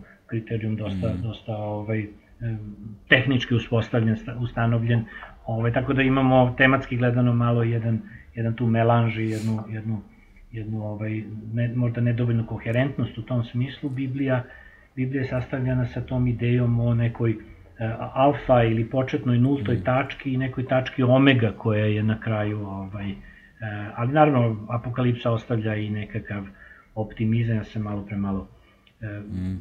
i, i našalio s ovim, s ovim metaforama koje koristim, ostavlja neki optimizam za, za budućnost, za jedno vreme u kome će oni koji su izabrani, koji su opstali e, uprkos tim tribulacijama i izazovima ovaj, na, na kraju dana, na kraju istorije, biti u stanju da ovaj ponovo stvore to jedno novo čovečanstvo i ta priča o kreaciji, ali i rekreaciji, odnosno ponovnom stvaranju jeste nešto što je e, određena mitema ili sadržaj i u drugim svetskim religijama. Dakle, imamo te mitove o postanju kao vrlo značajne, imamo ideju o, o, o, ovaj, o stradanju, odnosno uništenju tog sveta, o nastanku novog sveta i to jeste psihološki možda gledano ili antropološki gledano jedna od tema koje nam je svima bliska kao, kao, kao mm. ljudskoj vrsti, jer to je ovaj doživlje života koji mi imamo i na individualnom planu, ali i na društvenom planu, istorijskom i tako dalje.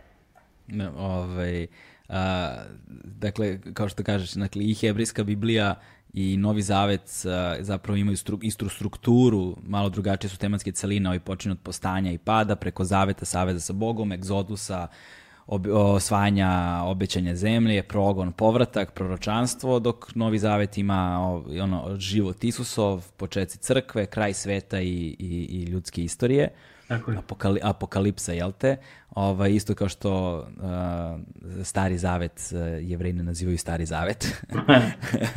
isto tako, ovaj, kako, kako se kaže za stare Grke, kaže stari Grci su izgleda znali sve, sem da su stari Grci. da, da, da. ovaj, e sad nas to vodi negde i na, na, na, na sledeću tematsku celinu koju smo negde uh, prepoznali, a to je društveni, društvena istorija biblijskih tekstova. Dakle, negde smo pomenuli još na samom početku razgovora neke ključne elemente u, u razumevanju toga, na primjer kao što smo govorili o mentalnoj geografiji, o tim mentalnim mapama koje su nam davale, koje nam daju zapravo jedan značajan kontekst a, i korpus nekakvog znanja koji nam je važan da bismo mogli da razumemo sam tekst i vreme nastajanja tih tekstova. Ovaj, ali, ali ta percepcija vremena i prostora kod autora tih tekstova, te geografske oblasti u Mediteranu i, na primjer, kako se putovalo i na koji način je način putovanja određivao način na koji ćemo mi razumeti a, sam tekst. Apsolutno, evo, na primjer, da, da kažemo kako se putovalo u, u vreme kada je kanonizovana hrišćanska Biblija. Na primjer, imamo, imamo neki izveštaj već iz tog perioda, čak dosta precizno možemo da datirati jedno, jedno, ovaj, jedan putopis hodočasnika iz Bordeauxa u Francuskoj današnjoj, sa obala Atlantskog okeana koji ide u svetu zemlju, u, u Jerusalim dolazi i negde 333. godine on to precizno u, u tom dokumentu upućuje na jedan konzulat, ovaj, odnosno jedan mandat jednog E, konzula, pa od toga, od toga i znamo jel, da, da je tako datiran ovaj putopis. Inače, prvi putopis sačuvan uopšte u istoriji hrišćanstva, on je na konju putovao od Bordoa do Jerusalima, ali kao što bismo mi iz naše narodne poezije možda očekivali ovim našim mentalnim mapama da Marko Kraljevi sve vreme jaše samo na šarcu, pa da i ovaj hodočasnik iz Bordoa imao nekog svog šarca, on je promenio E, čak 230 konja samo dok je stigao do Carigrada e, do grada u kome 333. godine, dakle još uvek imamo ovaj, cara Konstantina, imamo hrišćanstvo u, u tom, ovaj, do, dobije jednu vrstu, ovaj, aj kažemo nekakvog, nekakvog dodatnog podsticaja za razvoj, za gađenje crkava, posetu tim svetim mestima. U to vreme zanimljivo je, možda ne bismo to očekivali, Imamo kao i danas, ne samo hodočasnike vernike, imamo hodočasničke turiste. E, dolaze, dolaze recimo u, u Palestinu, u Jerusalem, dolaze, dolaze ove hodočasnici iz Etiopije, iz Indije, iz ovih drugih krajeva sveta, koji nisu nužno hrišćani, ali žele mm. da mhm. posete ta mesta, vide, ko što mi želimo da vidimo Akropolj u Atini, a nismo stari Grci, jel?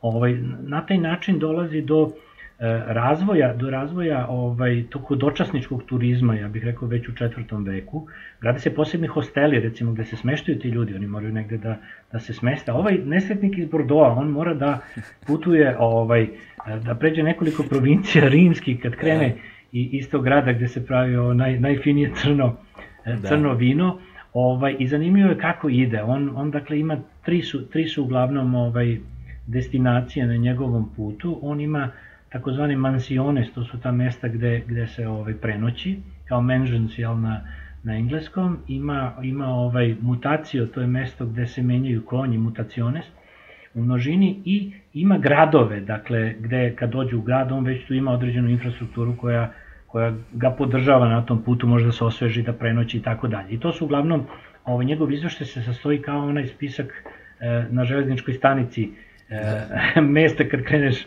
ne znam, tamo iz Ljubljane pa do Beograda preko Šida i onda gde se sve staje, on ima onako dosta taksativno vojnički navodi ta mesta ove, gde je menjao mm. konje, gde je prenoćio, kuda je prolazio, s tim što je taj opis malo detaljniji kada već dođe u svetu zemlju. Sve što je nama zanimljivo možda iz ovih naših krajeva pa i nama Beograđanima, da je on iz Bordoa putovao preko Milana, onda Emone, odnosno Ljubljane današnje, preko Sremske Mitrovice, Sirmijuma i Singidunuma, svi znamo što je Singidunum, jel?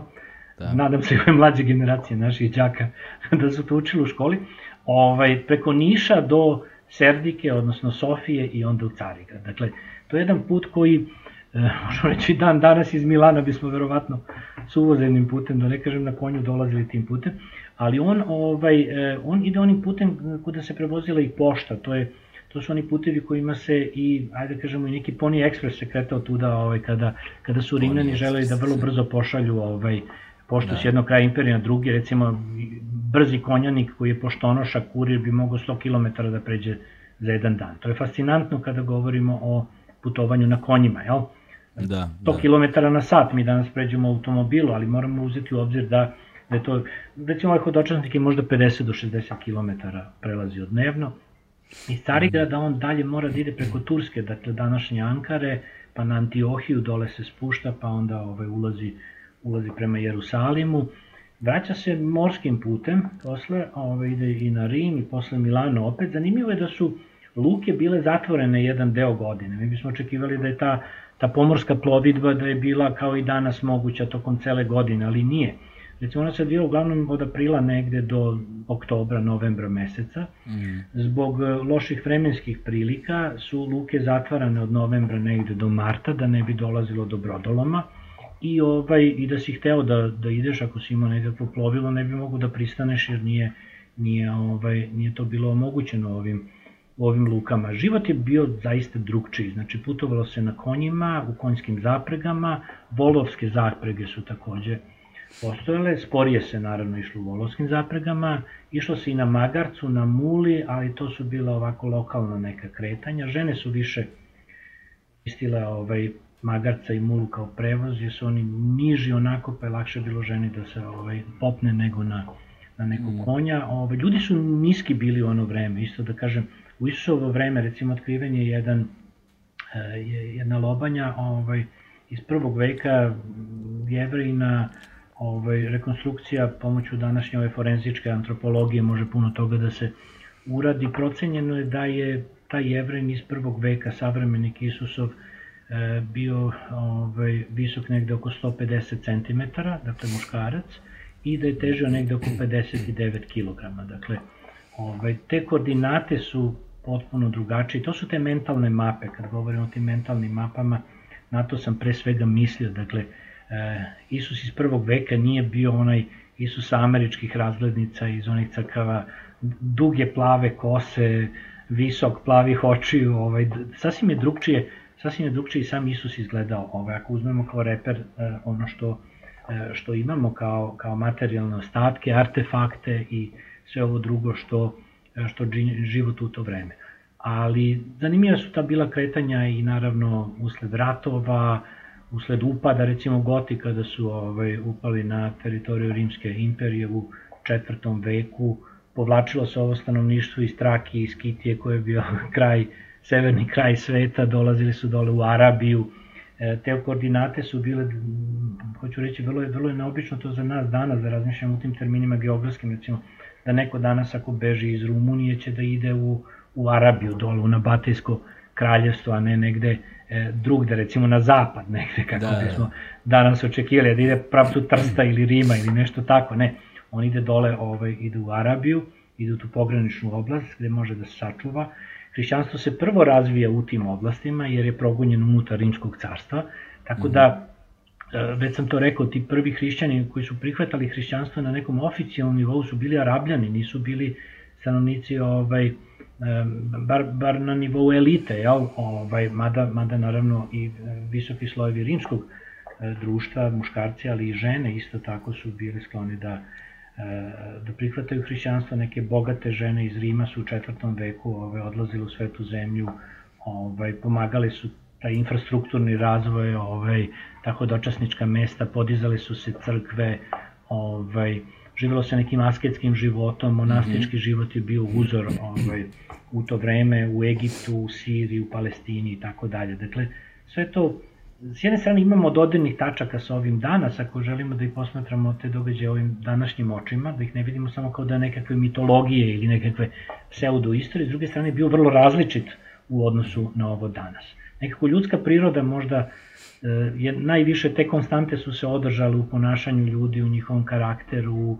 reakcijama na određene situacije, još od Platonovog vremena do danas, kako Platon opisuje neke sklonosti ljudske i dan danas ovaj, imamo to želja za moći, za bogatstvom, za mudrošću i tako dalje. Održalo se to i dan danas, ali tehnologija, ovo što spada u, u način putovanja, nekakve vremensko-prostorne koordinate, e, naučna percepcija sveta i tako dalje, sve to bilo mnogo drugačije u prošlosti. Ove, ovaj, čovek će na kraju dana ipak biti čovek, znaš, to je, to je, to je jedna stvar. A što se tiče ovog... Pa će čoveka našeg... mora biti čovek, jel? što se tiče ovog našeg konjanika u današnje vreme bismo rekli u zavisnosti toga da li je njegovo putovanje bilo nužnost ili izbor, zavisi od toga da li je bio nesrećnik. da, da, da. da. Ta, ta, ne, ovo je da, bio srećnik, ali možemo da. zamisliti koliko je to Mislim, samo, šta, samo... šta je to zahtevalo? Mislim, i to menjanje konja zapravo, oni su se, posebno kada se ta pošta nosila, konji su morali da se kreću u galopu, tako da... Tako je, tako da bi... je, kretali su u galopu, ovo je bio neki polugalop, verovatno, ili bio je nekak kas i, i, i, i ovaj, i galop, ali... I onda kad e, se konj umori mora da se zameni, nema vremena da tako, se sad ono krepi. Tako, i postoje te stanice na određenju, on sad opisuje na kom, ovaj, e, na kojoj miljaži e, budući hodočasnik može da očekuje da nađe da nađe mm. ovaj to prenoćište ili da nađe mesto gde će zameniti konja. To je kao to je manje od 30 strana teksta, ali da. bi vrlo korisno bilo za svakog sledećeg hodočasnika to drži u džepu i da može da pročita i da vidi gde E, gde je sledeće mesto gde će moći da, da ima taj predah u stvari. Mm. Ovaj, da. A pošta ko pošta morala je brzo da se prenosi. I, I to je ono što je meni zapravo najdragocenije negde u ovom razgovoru. Ok, s jedne strane taj akademski, taj uh, ono tekstualni pristup um, uh, tekstovima jeste da, da daje nam tu neku dimenziju, ali razumevanje za života svakodnevnog čoveka i okolnosti u tom periodu nam daje jednu novu dimenziju koja daje neko dublje razumevanje ne samo teksta, nego i ono konteksta društva u kojem živimo danas i od, iz čega je ono zapravo izra, izraslo negde, jer ništa ne stoji ono samo za sebe ni iz čega, dakle kreacija ex nihilo, nego zapravo sve se nastavlja nekakvu tradiciju. I to nas sada ono, koliko god da pokušam se trudim da se ugrizem za jezik i da kao ne idemo u smeru ovaj, istorijskog Isusa i kao koliko je Isus bio visok. Znaš, kako je on zapravo izgledao, koji je istorijski Isus bio, kako su izgledale životne okolnosti ovaj, istorijskog Isusa i da stavimo negde u paralelnu poziciju, ono, juksta poziciju sa, sa, sa slikom o Isusu danas, koju imamo, ovaj, posao kolokvijalnu i negde versku. Um, I sad u zavisnosti naravno i od tradicije tumačenja odakle dolazite i na koji način vidite ovaj, da, da, da, da ipak se zadržimo negde na, na, na onome kako smo mi to zacrtali i da, da sada a, logično pređemo sa društvenog, a, društvene istorije biblijskih tekstova negde na, na Bibliju kao sistem značenja. To je dosta velika celina, dosta, dosta velika tema. Ovaj, a, od, od opštih značenja iznad pojedinačnih tekstova, pa kao onome što smo, što si malo pre negde sam pomenuo, dakle Biblija kao korpus nekakve mitologije gde su tu mi teme, to od uspona i pada, izgona i povratka, a, tragedije i triumfa, patnja i vaskrsenja i onda ti arheti, arhetipovi i ikoničnost same Biblije i antropomorfni bogovi i teomorfni bogovi, što je dosta slično zapravo antičkoj mitologiji negde, jer, na primjer, Zevs, njegov teromorfni, jel te, on je bio orao, jel tako, Ovaj, I sada kao, kako, kako bismo počeli eh, negde priču o Bibliji kao sistemu značenja? Da, pa Biblija kao sistem značenja, da kažemo, to je možda najviše šta Biblija poručuje nama danas ili onome ko u određenoj epohi živi, kakvu poruku na jednom e, univerzalnom nivou ona šalje, kako mi razumemo danas te tekstove, ovaj, ne kao istorijske sad više tekstove, ne kao nešto za što nam je potrebno odnađeno znanje da bismo i kontekstualizovali, nego na jednom čisto ljudskom nivou. Kako je opisano ljudsko stanje u Bibliji i kako mi prepoznajemo to ljudsko stanje u našim životima. Trebalo bi da tu nekakve univerzalije postoje, nekakve egzistencijalne, da kažemo, univerzalije koje bi nam omogućile tu vrstu transfera neposrednog i razumevanja onoga što Biblija govori ili nekakvog intuitivnog shvatanja – čak bez obzira na to da li smo ovaj, da li pripadamo jevreskoj hrišćanskoj tradiciji ili smo ateisti ili smo agnostici ili smo budisti, nudisti i tako dalje, šta god da je neka ideologija ili da. način života ovaj, koji, koji nam pripada kao deo nekog našeg identiteta ili nekakve sklonosti. E, ono što mi se čini da tu prvo treba imati u vidu jeste da e, kada dobijemo neku poruku ili kad pročitamo neki tekst koji ima tu vrstu univerzalnog značenja, se zaista zapitamo e, šta je on značio za onoga koji je to zabeležio ili izrekao i da li mi možemo dopreti do takve jedne ideje danas, s obzirom da -hmm. funkcionišemo u okviru vrlo sličnih kognitivnih sistema i ovaj sistema značenja kao i ljudi u prošlosti. Recimo kada, kada se Bog samo identifikuje u knjizi izlazak i kaže ja sam onaj koji jeste ili ja sam koji sam. E, šta to u stvari znači? E, ne šta je to značilo Mojsi u trenutku kada on čuje taj Boži glas i onom plamtećem grmu kada se, kada se taj glas i on pada ničica, onako ne može da izdrži silinu ovaj, te, te Bože poruke, ovaj, nego šta, šta taj biblijski Bog u stvari sam želi da poruči, ako ćemo ovaj, gledati to malo i na jedan način više i književni i ovaj, možda čak i, i, i religiološki, ovaj, šta znači ja sam onaj koji jeste.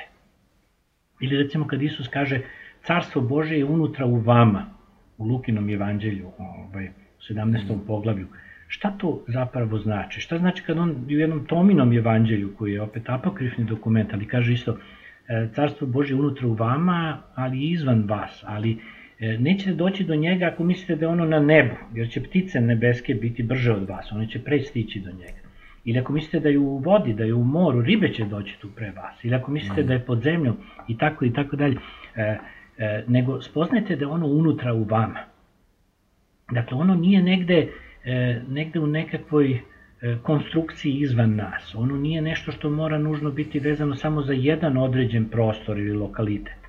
Makar to bio i nekakav hram, jel, gde se taj mhm. Bog slavi ovaj, i, i carstvo Bože. E, e, kako, kako to razumeti u stvari? Kako napraviti taj jedan zaokret od nekih 180 stepeni i okrenuti taj fokus ne prema spolja, nego prema unutra, jer to je ona poruka koju nam Isus šalje. Da li mi to danas možemo ovaj adekvatno razumeti, da li nam je potreban nekakav kontekst razumevanja koji je karakterističan bio za prvi vek ili je to jedna poruka koja ima univerzalno značenje i može se, može se kao i na kraju krajeva oni vedski tekstovi, tekstovi iz Upanišada koji dan danas imaju, imaju svoje značenja ovaj, za ljude ne samo na istoku nego i na zapadu koji ovaj, postaju pristalice tih, eh, tih učenja, sledbenici, ovaj, da li te neke velike formule ili te neke, ajde da kažemo ti neki aksiomi, ovaj, eh, dolaze do nas na, na pravi, na adekvatan način. I kakav je tu proces tumačenja potreban da bi se to razumelo. E sad imamo tu dva neka nivoa, ja bih rekao. Ovo, jedan nivo bi bio taj hermeneutički nivo interpretacije samih tekstova. I tu imamo jako puno literature tokom ove 2000 godina hrišćanstva, pa ove, da kažemo i, i, judaizma, jel? Ove, od ovih rabinskih tekstova i tumačenja.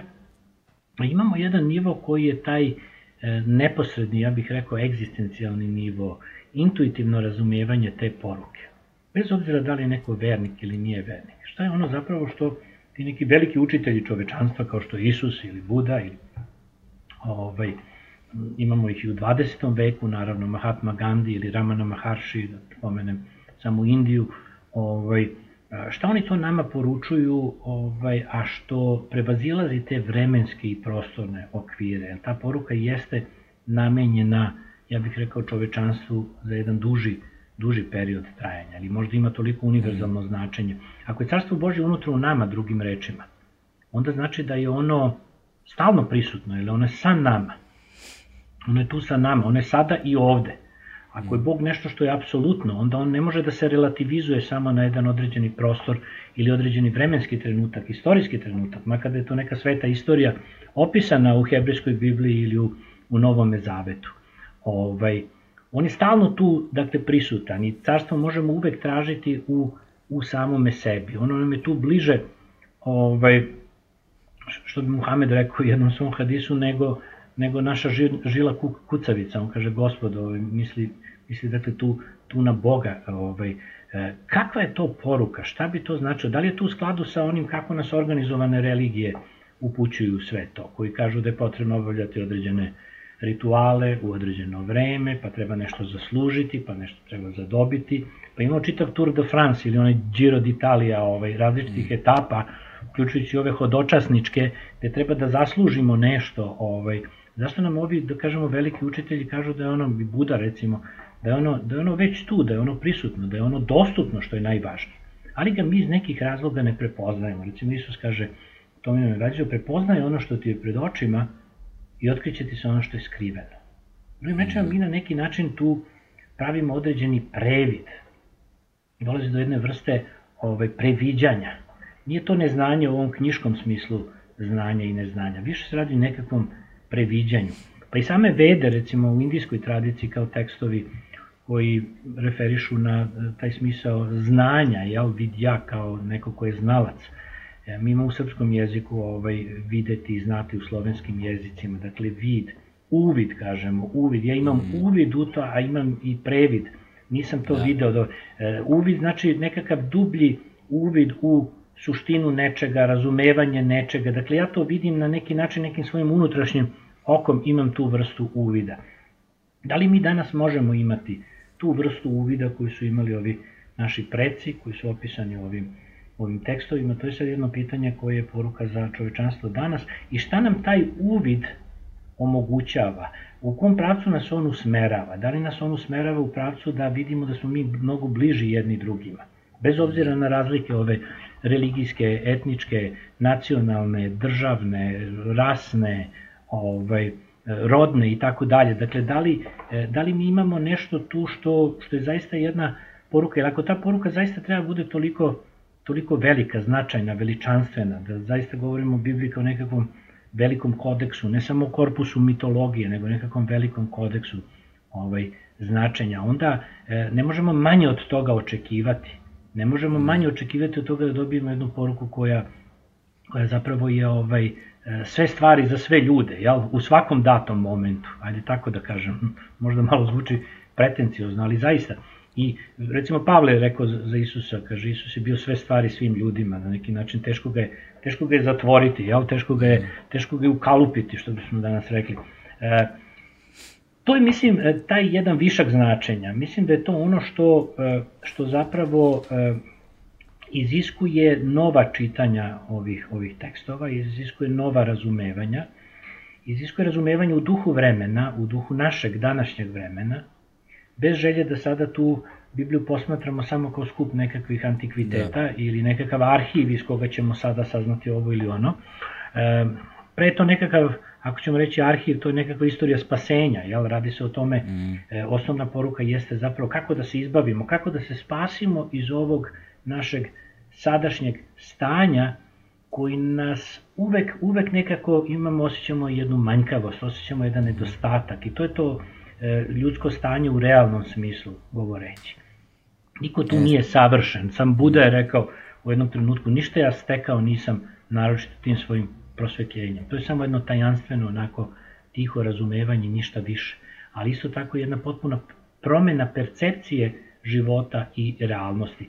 I u kom pravcu nas onda to može usmeravati? Tu onda dolazimo do ove teze o među religijskom, među civilizacijskom dijalogu, pokušaj da razumemo drugoga, pre svega zato što je drugi, to smo i mi sami zapravo. Najbolje da. ćemo ga razumeti, bit će nam najbliži kada ga vidimo kao, kao biće koje je ovaj potpuno isto kao i mi. Dakle, to je, to je ono što je, mislim, tu srž te poruke čini mi se da oni najveći duhovni učitelji u istoriji i judaizma i hrišćanstva i drugih svetskih religija su tu dimenziju imali u vidu.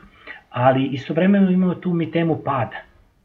Ideju da, da mi nikad ne možemo doći do tog nivoa, nekako stalno padamo, dižemo se i padamo civilizacijski gledano, istorijski gledano, jer ovaj, e, različite prepreke, različite prepreke, a najviše one prepreke koje stiču toga da sebe vidimo pre svega kao jedan ego, kao jednu individu koja ima nekakve svoje prohteve, zahteve, očekivanja, volju za moć, za, za bogatstvo, za ovim ili onim, sprečava nas zapravo da, e, da se u tom svetu smestimo onako kako, kako bismo to mogli da uradimo, da to bude sasvim prirodno, mm. neposredno i da se dobije jedan potpuno novi kvalitet življenja. Meni se čini da Biblija može, kao i drugi ovi tekstovi religijski, s tim zaokružujem ovu temu, ovaj, da, se, da se na takav jedan način čita, razume, percipira i taj višak značenja, to je ono gde ona zapravo nama sad govori kao jedna knjiga ili možda kao jedinstvena knjiga i gde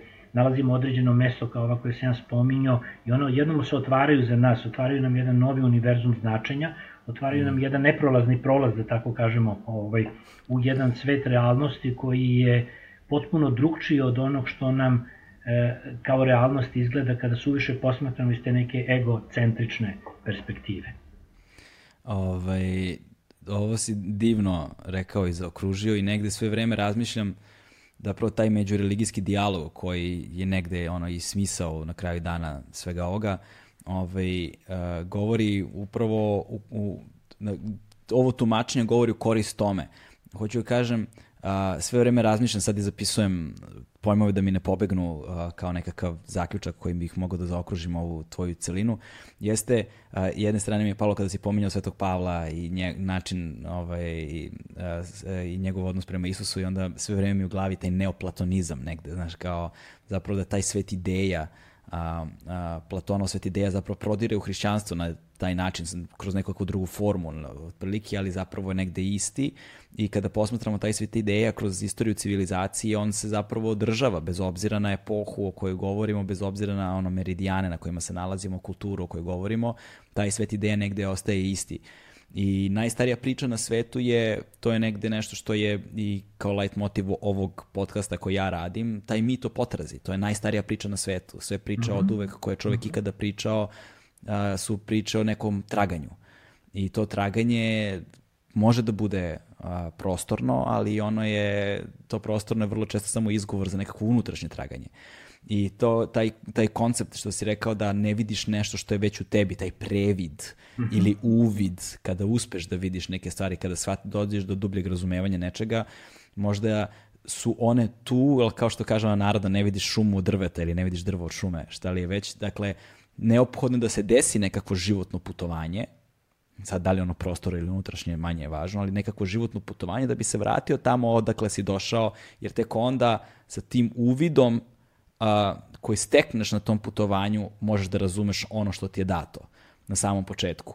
I to ne mora nužno da bude pozicija nekoga ko je vernik. Jel te? Znači, Možda bude Odiseja, recimo, Homeru. Da, ja? pa Odiseja jeste, ona, je, ona, ona i ima to neko značenje zapravo između ostalog i na kraju dana je po Gilgamešu isto tako, ništa manje, ništa manje mi to potrazi ovaj, za, razliku, za razliku od Odiseja i, onda, i, i mislim da to na kraju dana predstavlja negde to jedno univerzalno ljudsko, nekakav najmanji zajednički sadržalac svih nas. Ovaj, I gde god da sam putovao i sam u životu, ljudi koje sam upoznavao, ovaj, znaš, kad upoznaš svakodnevnog čoveka bilo gde, ima svakodnevne probleme, ima svakodnevne želje i negde smo tu zapravo svi apsolutno ravnopravni. Ja kao neko ko dolazi iz mešovitog braka i etnički i verski i, i, i ono, znači etnički, i konfesiono i rasno, ovaj, i susreću, susrećući se sa, sa, sa tim kulturama takozvanog drugog i drugačijeg, mi je to negde apsolutno jasno. Znači, mislim da je važno da ta imenica drugi uh, prestane da bude sa velikim D i postane sa malim, umesto ono vlastite bude zajednička imenica. I na kraju dana i ljudi koji su neki psihonauti, koji su na halucinogenima pokušavali da otkriju veće istine, dolazili su upravo do tih takozvanih kosmičkih a, velikih istina o, o, o, o jednakosti, o, o, o uzajamnom prožimanju jednih sa drugima i da smo negde svi mi na kraju dana samo, samo ljudi. I to je ovaj, I to je nešto što mi, se, što mi se baš dopada i taj kontekst otkrivanja tih malih istina koje ti puknu pred očima nekada u ono pola gutlja kafe ili znaš, na, da, pola da, da. Koraka, na pola koraka negde, zato što je nešto u tebi sazrelo, da odjednom otkrivaš jednostavnost i lepotu istine nekih malih stvari koje ti zapravo govore kao nekakav asocijativni niz ili šta već o nekoj većim stvarima. Postoji kao jedan novi element slagalice u jednoj slici koju gradiš kroz život i kroz vreme odrastanja. I, ovaj, i, i to je, i, znaš, to je ono gde je lepota u razumevanju jezika kako znaš, način na koji posmatraš vid, uvid i previd je bilo jako lep primer a, ovaj, jako, lep, jako lep primer toga kako zapravo izgleda jedna geneza ljudskog života, na primjer.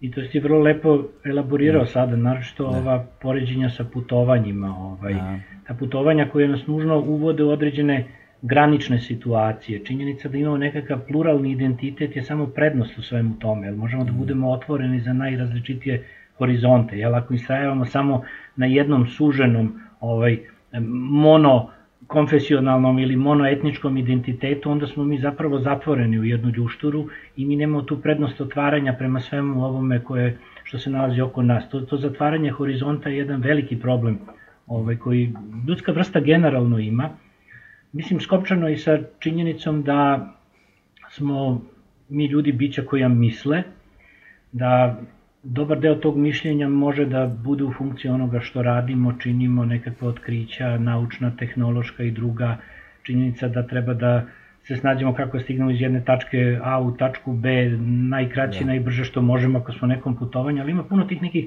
suvišnih misli, ja bih rekao da da je to zapravo veći sadržaj ovaj, našeg uma, jesu te misli koje, koje nas samo zavode i, i odvode i čine da se ti previdi pojavljuju, a sprečavaju nas od toga da da uđemo u taj jedan mali procep u stvari između dve misli kada se ne misli ni o čemu nego kada se bude kada se mm. bude to što jesi kao što se Bog samo identifikuje i kaže ja sam onaj koji jeste on ne kaže ja sam e, mislim dakle jesam ovaj ona da, dekar, da, da. kartezijanska Ko, cogito formula, ergo sum cogito ergo sum nego on kaže sum ergo sum jesam da. dakle postojim dakle mm. e ajde da pođemo te činjenice da jesmo i da ne ulazimo dalje više u to ovaj e, ja sam Pavlov, ja sam Apolov, ja sam Kifin, ja sam ovaj, ja sam onaj, kao što sam Pavlov ovim svojim poslanicama kaže, odjednom tu dolazi kaže do raskola među vama i kaže schizmata, jel koristite izraz šizma u stvari, schizmata do tih podela i raskola među vama i malte ne, to je neke 50. godina prvog veka već govori sa nekim šizmama, mislim u toj novoj, novoj religiji, zar nije to neverovatno nešto kako rano počinju ti raskoli, e, razdeli, ali Ako prestanemo tako da se samo identifikujemo, ako pođemo samo od onoga što, što jesmo i da smo mi to što jesmo zapravo, to je mislim taj fundamentalni jedan uvid, tu nam Biblija može i tekako pomoći da nam kaže ti već imaš ono što ti je potrebno zapravo. I to mm. na kraju krajeva i ovim indijskim tradicijama, i hinduizmu i budizmu ne ilazimo. Ovo, ovo što si ti sam rekao, recimo ima jedna metafora u Zenu, kaže traži magarca, jaše na magarcu i nikako ne može da ga nađe na njem. Ili traži bisernu ogrlicu neka žena, a visi joj oko vrata. Da, da. Ovaj, Tako sam e, ja pre neki dan uključio svetlo mobilnog telefona da bih našao mobilni telefon. Upravo to, ili pozivamo sami sebe na, na mobilni telefon da bismo ga našli, jel? Ovaj, da, to je to da. istezanje pažnje prema spolja, jel? Šta se mm. dešava kada se ta pažnja okrene prema, prema unutra i kada se mnogo ne optorećuje različitim razmišljanjima u stvari? Kada, kada, kada polazimo od tog eh, fakta sobstvene egzistencije i te egzistencije koja nužno ne mora biti ni egzistencija u određenom prostoru i određenom vremenu, može biti jedan moment, jedan kairos, to je ona Isusova poruka zapravo, gde je carstvo Božje već unutra u nama. Ne treba učiniti nikakav dodatni napor, ne treba učiniti nikakav, nikakav poseban iskorak, ali da li smo tu poruku dovoljno dobro razumeli? Da li smo je razumeli, ove, na neki način to jeste jedan izazov za, za čovečanstvo, to je na kraju krajeva prvo izazov i za same hrišćane u ovom kontekstu, da li smo mi to dobro razumeli ili smo, ili smo zapravo u to počeli da učitavamo najrazličitije druge stvari, a to je da imamo neka carstva i nekakve države koje su same po sebi istorijski gledano i nekakvim zaslugama ovaj, svete i predstavljaju carstvo Božje na zemlji, kako se obično kaže. Ovaj, da, li smo mi, e, da li smo mi uopšte stanovnici tog carstva činjenicom što, što živimo u takvim nekakvim državama, bilo da je reč o nekakvom mm. starom Rimu ili je reč o nekakvom persijskom carstvu ili šta već tu imamo, ovaj, judejskom kako god, ili, ili mi na jedan mnogo neposredniji i ovaj, ja bih rekao mnogo brži i jednostavniji način e, pripadamo ovaj, svemu tome. I gde se to zapravo nalazi, gde se to carstvo nalazi, kada on kaže unutra u vama, gde je to, gde je to, da li je to u našem telu, da li je to u našem umu, da li je to u nekom ovaj e, u nekoj sferi, da li je to u našem srcu, da li je to da. ili, ili to nema veze naprosto sa tim, da li e, da li mi to nosimo u stvari na način na koji ova žena nosi ovu bisernu ogrlicu ne prepoznaje. Da. da li smo mi već na tom magarcu iako ga tražimo? Da. da li mi već jašemo to?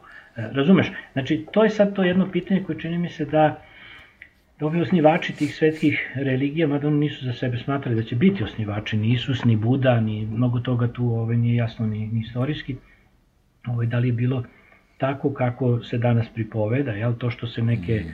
informacije slažu i prepričavaju i nalazim ih u učbenicima u knjigama, ne znači da je to tako ovaj, u nekakvom smislu istinitosti, to može samo da znači da su ljudi čitali iste stvari i ovaj, postizali neki konsenzus oko onoga što su pročitali, jel? Mm, što nam dolazi, da. dolazi iz te prošlosti. Tako da, e, mislim da ovu, ovu celu priču oko Biblije i oko ovaj, tih e, svetih knjiga i tog nekog nasledđa koje nam dolazi iz, iz, iz religijske prošlosti, a iz onoga što je naša ljudska povest u ostalom, da e, možda, možda treba zaokružiti ovakvom jednom e, idejom o tome da e, treba biti što jednostavniji u pokušaju da to razumemo, da to, do te jednostavnosti da treba i narasti, da je određeno iskustvo potrebno, životno iskustvo, možda treba proputovati jako puno, možda treba biti svugde i onda shvatiti zapravo da je polazna tačka ono što, što tražimo na tom putu.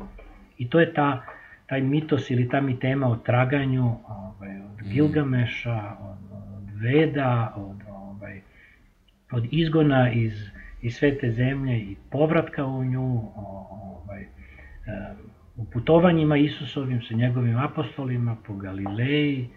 Preko ovaj, Odiseja. Tako je, o monastičkim zajednicama, o izgonu u tu unutrašnju pustinju, da tako kažemo, ovaj, gde se to carstvo nalazi.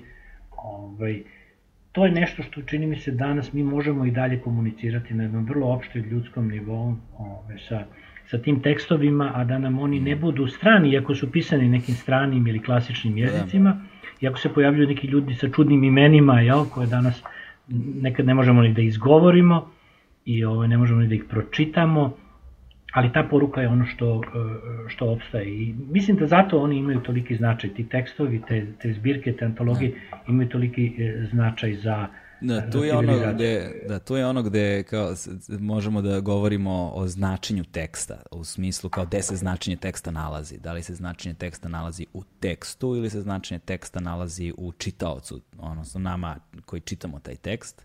Ovaj, sve to je naravno pitanje koje je otvoreno, nije, nije jasno nikada. I sve zavisi ko čita, jel? I zavisi ko čita, na koji način čita, znaš, i kako će se onda to učitati.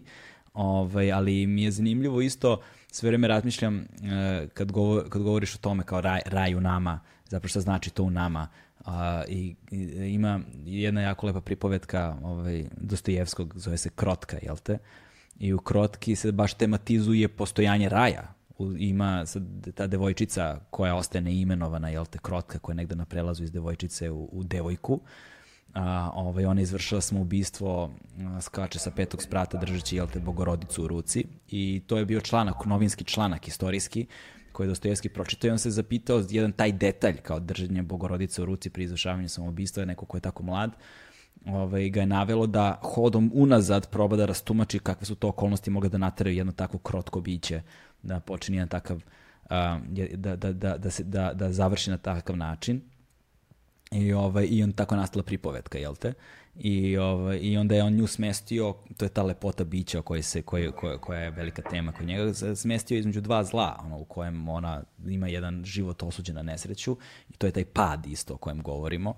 Ovaj, I sada a, kada taj lihvar kojem je ona bila prodata da bi se za njega udala, on je nju otkupio, jel te, pronalazi nju, um, a, pronalazi nju nekoliko trenutaka nakon samoubistva ovaj, na pločniku i kuka tada na kraju same pripovetke i kaže da sam došao nekoliko minuta ranije, zasadio bih raj u njoj, to je rečenica koja je vrlo ključna za razumevanje, gde sad kao imamo zasaditi kao nešto što pretpostavlja nekakvo mesto, jel te, Eden kao nekakav rajski vrt, vrt s jedne mhm. strane, ali u njoj, kao kontekst da li je možda raj, da li je možda to blaženstvo, blagostanje, odnos između dve osobe.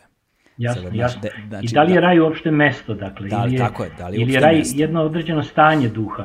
Tako je, da, to je. I ono koje, ostaje... Koje je dostupno u stvari, koje je dostupno. A priča o raju je jedna metafora za određeno mm. stanje duha, možemo tako. i tako gledati. Mm i ovaj, kako ponovo otkriti taj raj, da li, da li on topos nekakav, ajde tako da kažemo, ili on utopos, jel, ne mesto nekako, da li je mesto ili je ne mesto, i da li uopšte u takvoj jednoj koncepciji razumevanja ovaj, stvarnosti, prostor i vreme imaju ikakvog značaja. Mm. I ovaj, kao što, što znamo i sami, ne možemo posetiti ni prošlost ni budućnost. Da. Uvek imamo ovo večno sada i ovde. Tako I šta se sad dešava sada i ovde i kako, kako mi raspolažemo tim sada i ovde.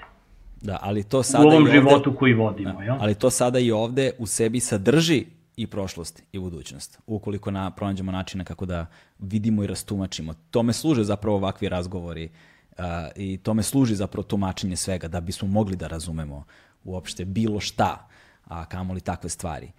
Ovaj, I to je ono što negde daje, pa bare meni, daje, daje smisao svemu ovome i zbog čega mislim da su ovakve teme između ostalog važne, posebno u društvu u kojem živimo danas, koje je duboko polarizovano na mnogo nivoa, pa između ostalog i na ovim nivoima kojima smo mi pominjali uh, ovde, a na kraju dana otkrivamo da zapravo ništa od svega toga nije novo.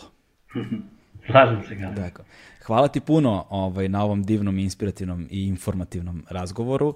Hvala zaista, tebi. sam, zaista sam uživao i nadam se da ćemo se uskoro sresti ponovo, nadam se u nekim boljim uslovima, da ćemo lepo sesti i, i porazgovarati kao ljudi, ali i ovo je bilo apsolutno dragoceno bez premca i hvala ti puno još jednom na vremenu, dobroj volji ovaj, i podeljenom znanju. I ja bih samo dodao na kraju, uvek ćemo is, imati taj isti trenutak, nećemo on nikad pobeći. Uvek ćemo ga imati u tom trenutku kada budemo vodili Tako razgovor i to će biti taj taj dati trenutak, ovaj, bez obzira na prošle ili, ili neke moguće buduće razgovore. Hvala tebi puno na To gostoprimstvu. Hvala vam puno svima koji su nas slušali i gledali, to je to, stigli smo do kraja. Ćao.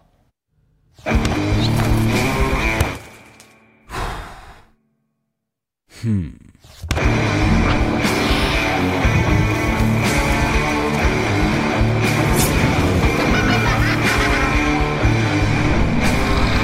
Gracias.